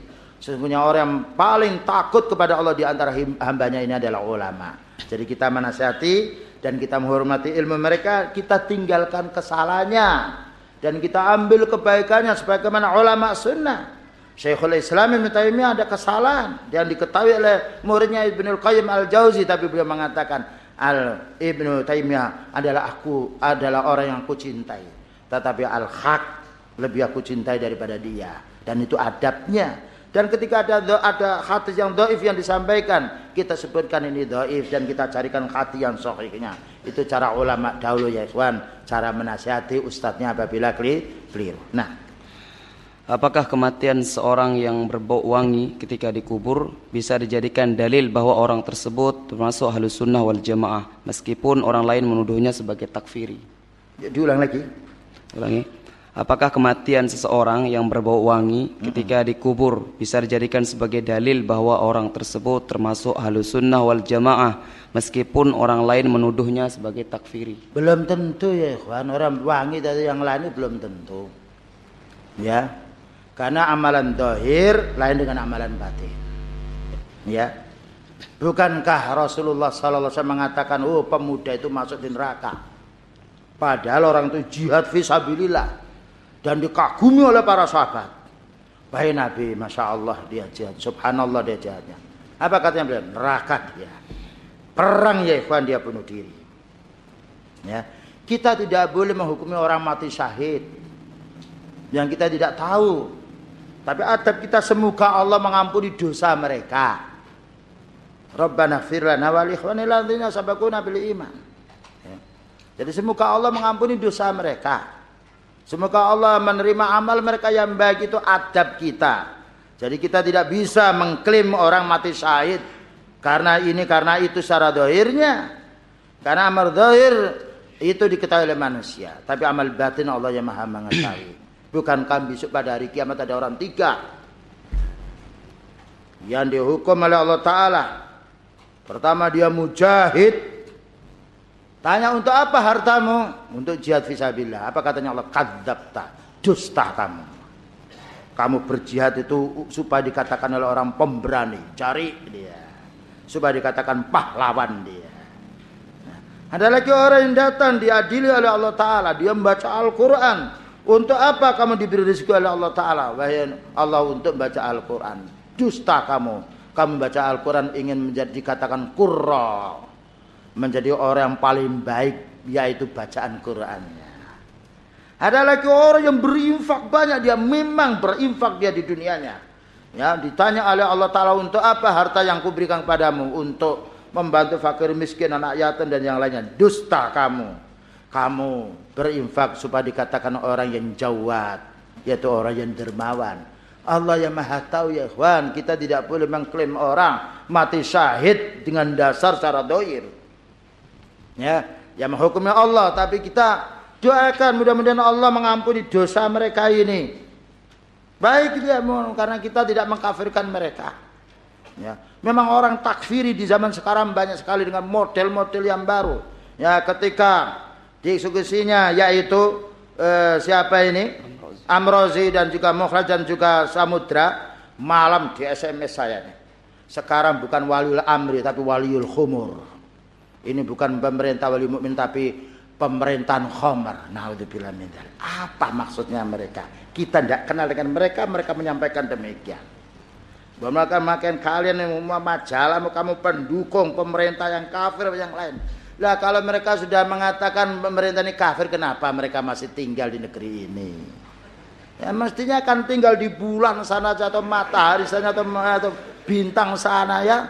Mestinya tidak usah mentaati lalu lintasnya naik jalan kecepatan tinggi lewat kanan saja biar mati dikubur kan Jahit. Iya kan mengkafirkan tapi dia masih tinggal di negeri ini dia. Kalau saya malu itu tinggal di rumah orang mencaci-mencaci tapi masih makan dengan mereka. Nah, iya. Bensin dinaikkan masih mau membeli. Nanti diturunkan masih mau membeli dia. Jadi orang berpikir yang sehat gitu loh. Nah, Kenapa Syekh Abdul Qadir Jailani sangat dikultuskan oleh orang-orang sufi? Bagaimana dengan manhaj Syekh Abdul Qadir Jailani? Manhaj Abdul Abdul Qadir Jailani rahimahullah adalah manhajnya ahlu sunnah wal jamaah sebagaimana keterangan para ulama. Adapun pengkultusan dari orang ahli sufi itu kesalahan mereka itu hulu. Ya, melampaui batas sebagaimana yaitu kaumnya Nabi Nuh alaihissalam yang melampaui batas kepada suwa Yahus, wa Ya'uk, wa Nasr dan seterusnya. Ya. Jadi orang tidak boleh ya ikhwan ghulu. Oleh karena itu Allah Ta'ala berkata, Ya alal kitab la taghlu fi dinikum. Wahai ahli kitab, kamu jangan melampaui batas dalam urusan dinmu. Ghulu itu ya ikhwan memberikan derajat yang lebih daripada yang ada. Melebihkan derajatnya orang yang melebihi daripada ketentuan yang ada. Seperti Nabi Isa alaihissalam itu mestinya derajatnya sebagai utusan Allah tetapi dinaikkan menjadi ibnullah. Subhanallah amma yasifun.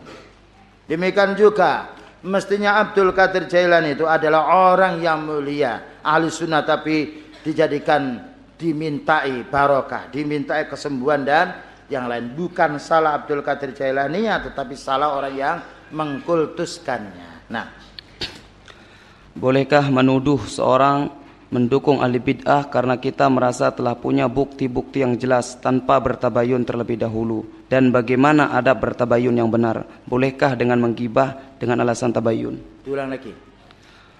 Bolehkah menuduh seorang ahlu bid'ah karena kita merasa telah punya bukti-bukti yang nyata? Bagaimana adab tabayun yang benar? Bolehkah menggibah dengan alasan tabayun? Baik. Ya ikhwan orang menghukumi orang itu ahli bid'ah itu enggak semuanya orang bisa. Harus punya harus dia orang yang alim. Ya. Karena orang yang mengamalkan bid'ah bisa juga karena dia tidak tahu. Maka hukum orang yang tidak tahu lain dengan orang yang tidak tahu. Kul hal yastawi ladina ya'lamun wal ladina la ya'lamun. Kul hal istawil ladina ya'lamun wal ladina la. Yang nomor dua, orang yang tidak tahu dimaafkan oleh Allah. Rabbana la tu'akhidna in nasina wa akhtana. Bisa juga dia lupa. Dia tahu perkara itu bid'ah. Bisa juga dia itu terpaksa mengamalkan bid'ah. Terpaksa ya ikhwan. Faman turra ghaira bahin wala atin fala isma alaihi. Bisa juga yaitu karena mereka dalam kondisi tidak yaitu karena ada desakan-desakan yang lain maka kita tidak boleh nah jadi pertama ya menghukumi orang alim nah itu harus orang yang alim. Nah, sekarang saya tanya yang menghukum itu orang yang alim apa tidak? Kalau tidak bukan sudah sampai di sini aja. Kalau yang menghukumi orang yang alim bisa kita lakukan. Lihat dulu. Kalau nanti akan ada jawaban di sini. Kalau orang alim bid'ah itu dihajar bermanfaat dia bisa berhenti boleh diajar dengan syarat yang mengajar ini orang yang kuat yang wibawa yang kuat ilmunya yang juga banyak pengaruhnya nanti akan dijelaskan di sini. Kapan orang itu menghajar? Dan kapan orang itu boleh dihajar? Dan kapan orang itu tidak boleh dihajarnya? Ya baik nanti masalahnya untuk menghajar untuk yang membaikot masalahnya untuk yang dibaikot masalahnya untuk um umat. Insyaallah keterangan lebih lanjutnya akan dijelaskan bab yang akan kita baca. Bagaimanakah jihad yang syar'i dan apakah peperangan yang ada di Palestina termasuk dalam kategori jihad yang syar'i? Baik. Jihad itu ada empat macam ya ikhwan. Sebagaimana disebutkan oleh Ibnul Qayyim Al-Jauzi dalam kitab Zadul Ma'ad juz 10 halaman 11 kalau tidak keliru atau halaman 13. Beliau mengatakan bahwa jihad itu ada empat. Pertama jihad an-nafsi. Memerangi hawa nafsu dan itu fardu ain dengan hadis afdalul jihadi man jahada nafsahu fi taatillah oleh Abu Dawud dengan hadis yang hasan atau yang sahih puncaknya jihad adalah orang yang memerangi hawa nafsunya agar dia menjadi orang yang taat kepada Allah taala melawan jihad melawan nafsu bukan kita membunuh diri tetapi dengan berilmu, beramal soleh, berdakwah dan bersabar. Yang nomor dua jihad melawan syaitan. Karena di tubuh kita ini ada teman dua. Malaikat dan jin yang kafir. Setiap hari berperang ini. Kata jin yang kafir, ayo berbuat zina, ayo merokok, ayo berjudi, ayo tidak sholat, ayo macam-macam dia. Yang malaikatnya mengingatkan kita. Ini waktu sholat loh, bangun jam sekian. Ini waktunya taklim loh, yang lain dia. Maka jihad melawan syaitan yang ada di tubuh kita hukumnya fardu ain. Yaitu dengan menuntut ilmu, beramal soleh. Karena kita ketika menuntut ilmu, teman kita tidak berdaya dia. Kalau kita pas sholat berjamaah, pergi teman kita dia. Teman kita. Ketika kita ketika kita berdakwah, mereka tidak mampu berbuat. Tapi ketika kita longgar, saat kita tidak beraktivitas di dalam din, nah dia al-khonnas mencari kesempatan kita untuk diajak pergi ke mana, untuk diajak berteman dengan siapa dan juga seterusnya. Kemudian jihad melawan orang kafir. Ini ada dua macam. Jihad melawan orang kafir ya kawan. Itu ada kalinya fardu ain. Pertama fardu ain apabila kita pas papasan dengan musuh. Yang musuh itu menyerang kita. Seperti Rasulullah SAW pada waktu bepergian. Yaitu di Badar di sana terjadi. Eh, mereka mengira beliau menyerangnya akhirnya timbul peperangan.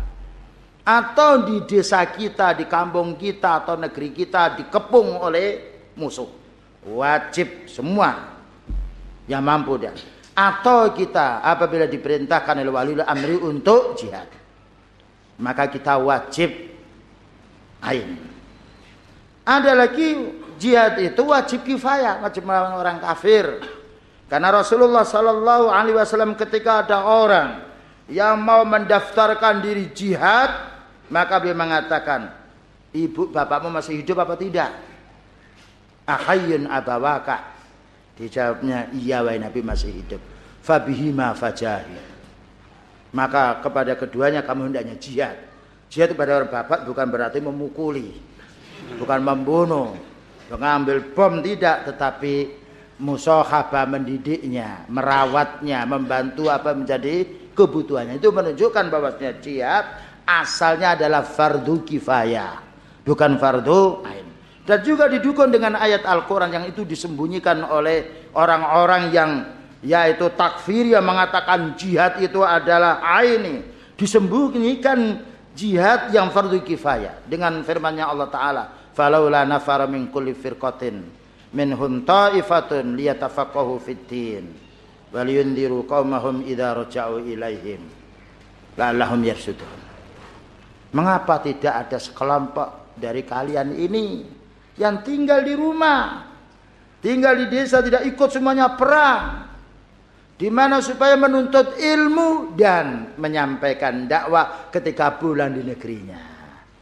Itu juga jihad ya menuntut ilmu itu jihad. Ya, bukan khilafah-khilafah terus. Ya, jihadnya Rasulullah SAW mulanya dengan ilmu, tidak dengan pedang dia. Disampaikan ilmu itu. Karena ilmu jihad yang memerangi maksiat dan tidak memenggal lehernya. Ya. Jadi jihad dengan ilmu itu mem mematikan, membunuh penyakit di dalam jiwanya, tidak membunuh nyawanya. Memperbaiki bukan merusak, berbeda dengan jihad dengan pedang dia. Melenyapkan nyawa yang selesai orang itu tidak ada waktu untuk tobat. Tetapi kalau jihad dengan ilmu memberi kesempatan untuk berpikir. Memberi kesempatan orang yang emosi agar dia bersadar berpikir dulu. Maka ini jihad termasuk antum menuntut ilmu jihad.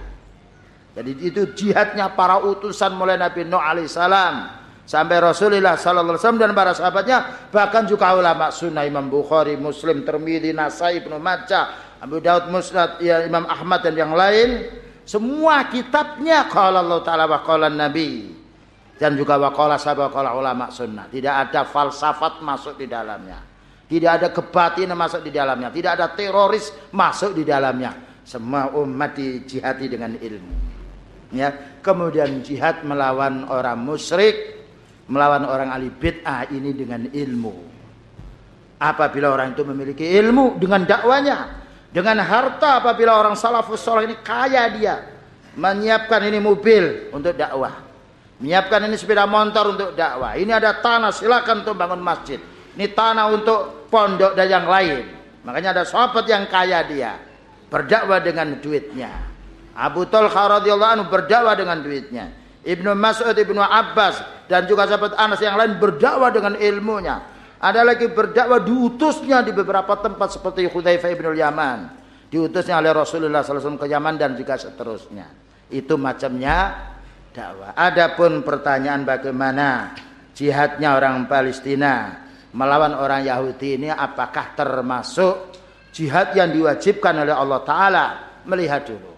Kalau memang mereka berjihad ini untuk membela dinullah insya Allah dikatakan itu jihad. Tapi kalau kita terdengar dahulu seperti tersebar di surat kabar bahwa Yasir Arafat mengatakan kalau Palestina menang maka ini jadi negara demokrat atau yang lain ya lain lagi. Maka kita kembalikan niat itu kepada mereka masing-masing. Jika mereka jihadnya untuk li'ila'i kalimatillah. Membela dinullah. Membela negara ini untuk menjadi orang yang ibadah kepada Allah. Insya Allah termasuk jihad yang diwajibkannya. Wallah Ustaz, bagaimana tanggapan Ustaz bahwa salafi dibagi jadi dua? Ada salafi Yamani dan ada salafi Arab. Itu pembagian orang yang ingin memecah belah kaum muslimin. Bahkan saya dengar dari telinga saya sendiri. Kalau kamu ingin cari daging, carilah di Arab. Kalau cari ilmu, carilah di Yaman. Tidak satu pun ulama sunnah yang dahulu maupun sekarang bicara seperti itu ya kawan. Ini orang yang memecah belah umat. Ya. Bagaimana kalau cari daging carilah di Saudi. Cari ilmu carilah di Yaman. Padahal ulama-ulama sunnah lah kalau kita lihat dari seluruh dunia itu bersumbernya dari kota Mekah dan Madinah. Sumbernya dari Rasulullah SAW diutusnya di situ, para sahabatnya juga di situ. Dari mana tahunya ulama sunnah yang lain kalau tidak dari ulama di Madinah dan juga ulama di Mekah dan juga sekeliling kota Mekah dan juga kota Madinah dari Riyadh atau yang lainnya. Maka ini adalah kesalahan, tidak ada. Itu hanya manusia-manusia yang ingin memecah belah as-salafus saleh. Maka as-salafus saleh bersatu. Apabila berpecah belah itu orangnya, bukan manhatnya. Nah, Uh, Ustadz, apakah yang harus kami lakukan selaku pemuda yang senantiasa berjalan di atas manhaj yang mulia ini dalam menyikapi keadaan umat saat ini?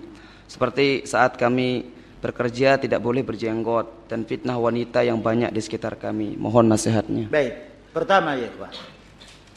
Antum sebelum bekerja di mana tempat modali dengan ilmu. Karena il ilmu itu yang menuntun kita di mana kita mau duduk, di mana kita mau berjalan kepada siapa kita bergaul, apa yang harus kita ambil harta ini. Jika kita dilarang berjenggot, nasihati dulu. Sebab banyak ikhwan kita yang kerja di petrokimia di Gresik. Pakai jenggot dia. Dan juga tidak isbal. Dan bahkan juga pilot. Di situ harja. Nah, menjemput saya ketika khutbah Id Idul Fitri.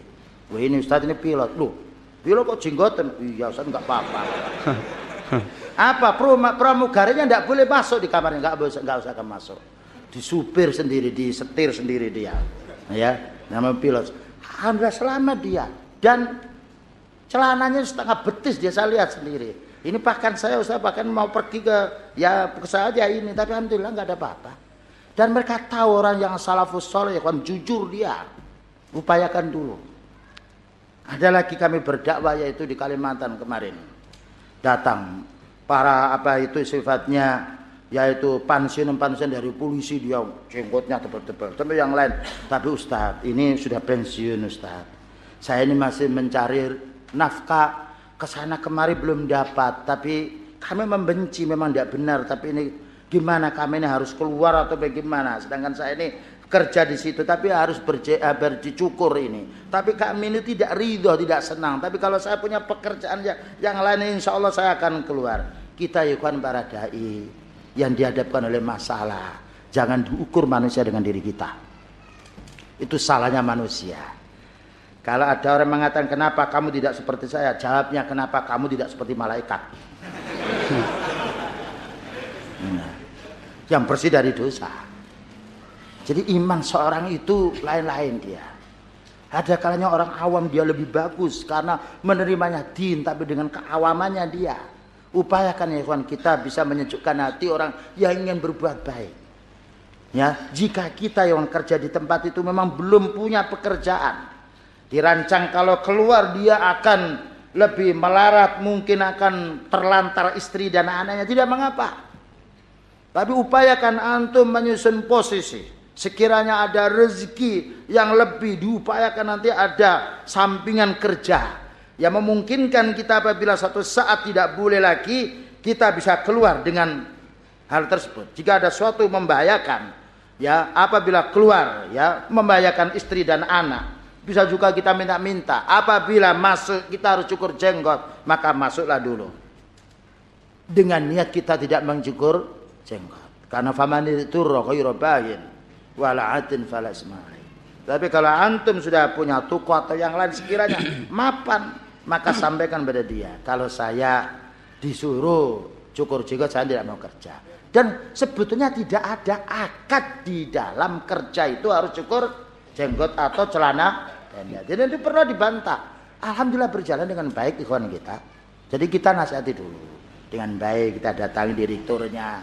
Kalau mereka marah jangan dibalas dengan kemarahan. Penting kerja dulu. Kecuali kalau mereka memblokir kita sudah kami keluar. Mudah-mudahan Allah mencari mem memberikan ganti yang lebih baik. Karena siapa pun manusia yang hijrah karena Allah maka Allah akan memberikan rezeki kepada mereka sebagaimana sebagaimana orang-orang muhajirin meninggalkan kota Mekah, keluarganya, tanahnya disambut oleh Allah Taala, ya disambut oleh sahabat muhajirin dan ditakdirkan oleh Allah Taala sahabat muhaj, eh, sahabat Ansor ini membantu sahabat muhajirin. Wallahu a'lam Ustaz, ana mohon nasihat. Di daerah ana banyak terdapat kesyirikan dan kebidahan. Dan selama ini ana sholat selalu di rumah terus karena di tempat ana masjidnya ada kuburan. Apakah sikap ana salah? Baik. Kalau kita menjumpai masjid yang itu ada kuburannya, kita tidak boleh sholat di masjid tersebut. Baik kuburan itu di depannya atau di sampingnya. Karena fatwa para ulama demikian. Dan karena sebelum beliau meninggal dunia, saat sedang mau dicabut nyawa, beliau berpesan, Laknatullah ala yahudi wa nasara, ittakhadu kubura anbiya'ihim masajida. Allah melaknat orang Yahudi dan Nasrani yang menjadikan kuburan nabinya sebagai yaitu masjid atau tempat sujud. Ala la tattakhidu qabri idan. Ingatlah wahai sahabatku kamu jangan menjadikan kuburanku sebagai hari ulang tahun, sebagai hari raya atau sebagai khol dan alhamdulillah doanya Nabi Muhammad sallallahu alaihi wasallam dikabulkan oleh Allah.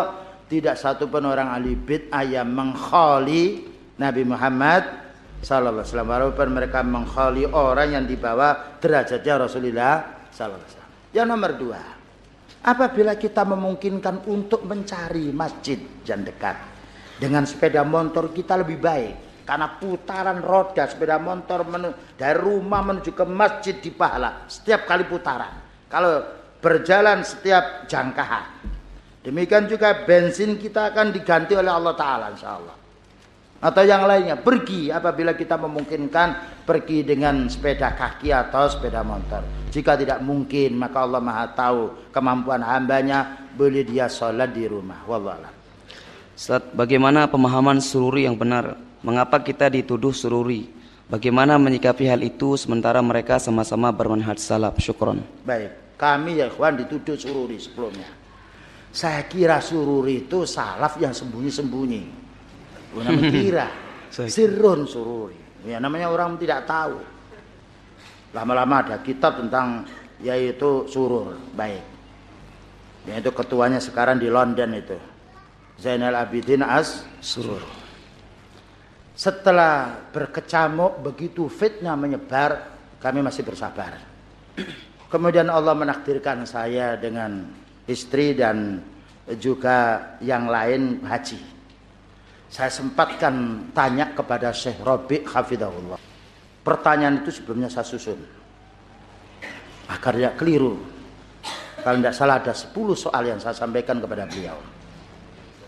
Pertama ya mau menuju ke rumah Syekh Robi Hafidahullah ini susah. Ya, ada orang yang membendung-membendungnya, jangan, jangan, jangan. Alhamdulillah. Ya Allah masih memberikan jalan kepada saya.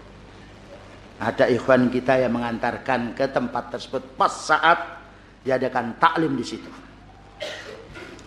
Waktu itu saya bertanya, ya saya menukil saja dan itu masih saya kasetkan.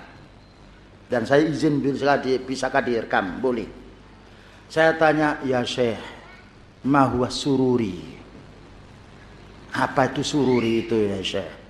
Jawab beliau, asururu, asururi huwa al ikhwanul muslimun lapang dada saya Sururi itu adalah ikhwanul muslimin. Kemudian dijelaskan ciri-cirinya. Itu ya ikhwan, alhamdulillah waktu itu saya terlintas belum pernah. Saya itu masuk ke ikhwanul muslimin dan mudah-mudahan Allah menjaga saya jangan sampai masuk ke golongan mereka. Jadi sururi itu adalah orang keluaran dari sempalan dari ikhwanul muslimin. Sama dakwah mereka. Tapi lain mereka caranya. Mereka adalah mentakfirkan ulama sunnah. Yang mana yang mengatakan sururi ini di dalam kitabnya Manhajul Anbiya. Nah, dakwah madul majiyah ilallah itu disebutkan di situ ada dua jilid. Di situ dijelaskan dan dijelaskan oleh para ulama sunnah bahwasanya kita sekarang ini menghadapi masalah yang lain dihadapi orang dahulu. Jadi kitab-kitab ulama ulama dahulu itu tidak bisa diterapkan untuk zaman sekarang. Jadi mereka kalau kita fahami orang-orang surur itu menolak sunnah dia. Mereka maunya menginginkan manhaj yang baru di dalam dakwah ini tidak memakai cara yang dahulu. Dan suruh itu mentakfirkan ulama Saudi dia mentakfirkan mentakfirkan pula pemerintahan Saudi. Kalau dia mengkafirkan Saudi bagaimana dia tinggal di negara kafir? Itu surur ya ikhwan. Jadi surur itu temannya Ikhwanul Gerakan Hasan Alban. Jadi bukan itu gerakan yang lain. Sekarang kalau ada orang dituduh seperti saya atau yang dituduh sururi, lihat dulu dakwanya. Ya, Apakah kita percaya kepada pembohong-pembohong yang ada di internet? Atau di dalam buku-buku yang tidak bertanggung jawab? Kemudian menolak kenyataan yang dituduh sururi dengan dakwanya yang ada? Buktikan. Karena kita akan ditanya oleh Allah. Menghukumi akan ditanya oleh Allah subhanahu wa ta'ala. Bahwa besok pada hari kiamat ada orang yang mufris dia. Rugi dia di mana dia itu meninggal dunia? Sebelumnya dia sholat, sebelumnya dia puasa, tetapi dia doroba hada memukul orang ini. Kemudian wala ana hada dia melaknat orang ini. Wa akhadha mala hada dia mengambil harta orang ini. Ketahuilah ya kawan kita tidak bisa itu luput dari tuntutan di dunia, tetapi akan kena nanti di akhiratnya. Karena ini masalah urusannya hak manusia dengan manusia. Yang itu tidak bisa dilebur dengan astagfirullah. Tidak cukup dengan astagfirullah. Kalau dosa kita berhubungan dengan Allah Ta'ala, maka cukup kita bertobat, berhenti dari maksiat itu. Kita istighfar dan tidak mengulangi, menyusul dengan amal soleh, selesai. Tapi kalau haknya manusia tidak bisa akan lepas, kecuali kalau kita minta istiqlal, minta dibebaskan oleh bersangkutan. Ya. Jadi kalau ada orang sekarang dituduh suri macam-macam, lihat bukti data. Kalau perlu datangi. Kalau ada orang mengatakan suri, saya ajari apa sururi itu. Kalau dia tidak bisa menjelaskan makna sururi berarti orang ini tidak bertanggung jawab, bodoh. Maka tidak perlu kita meladeni orang yang bodoh. Kalau dia memaknakan sururi ini salah, maka sampaikan makna yang benar dengan perkataan ulama sunnah. Karena sekarang para ulama sunnah telah menjelaskan dalam bab ini. Kalau mereka itu mengerti makna sururi, kita praktekkan apakah yang kamu maksudkan suri yang benar itu cocok dengan kenyataan yang ada. Ya. Dan memang banyak sekarang dituduh sururi meminta karena minta bantuan dari Kuwait, dari Khiyat Turos atau yang lain. Syekh Abdul Muhsin Al-Abbad Al-Badr rahimah uh, membahas masalah tersebut di dalam kitabnya Al-Khassu ala Sunnah, di dalam kitabnya Rifqan ala Sunnah bi al Sunnah dan di dalam kitabnya nasihat yang lainnya. Dan fitnah ini ya kawan bukan di negeri kita, ini hanya angin yang menghembus dari barat ke timur. Ya, tetapi ulama yang ahli sunnah mengerti. Ya. Perbedaan pemahaman itu tidak begitu tajam seperti orang yang penuntut ilmu yang pemula yang didasari karena fanatik atau karena taklid kepada seseorang. Jadi surur itu artinya adalah orang ikhwanil muslim. Sekarang tinggal antum pahami. Kaset-kaset uh, ustadz kita ini. Nah, kajiannya apa dia? Politika dia. Ya, hizbika dia. Ya, apa yang disampaikan itu, itu nyata. Ya, karena sesuatu yang nyata itu jadi pedoman. Bukan kita kembali kepada orang yang ahli subhat. Yang tidak mau berjumpa. Yang lari apabila dia ditelepon yang dimatikannya apabila kita jawab. Ya, kita harus bertanggung jawab nanti di akhiratnya. Wallahu a'lam Nih, boleh. Boleh tuh. Ikhwan azakumullah ya, kita cukupkan sampai sini karena waktu zuhur telah tiba. Insyaallah nanti kita lanjutkan soal jawabnya ba'da salat zuhur untuk menyelesaikan sisa-sisa pertanyaan yang masih ada. Taib jazakallahu khair. Kita tutup dengan doa kafaratul majlis. Subhanakallahumma wa bihamdika asyhadu an la ilaha illa anta astaghfiruka wa atubu ilaik.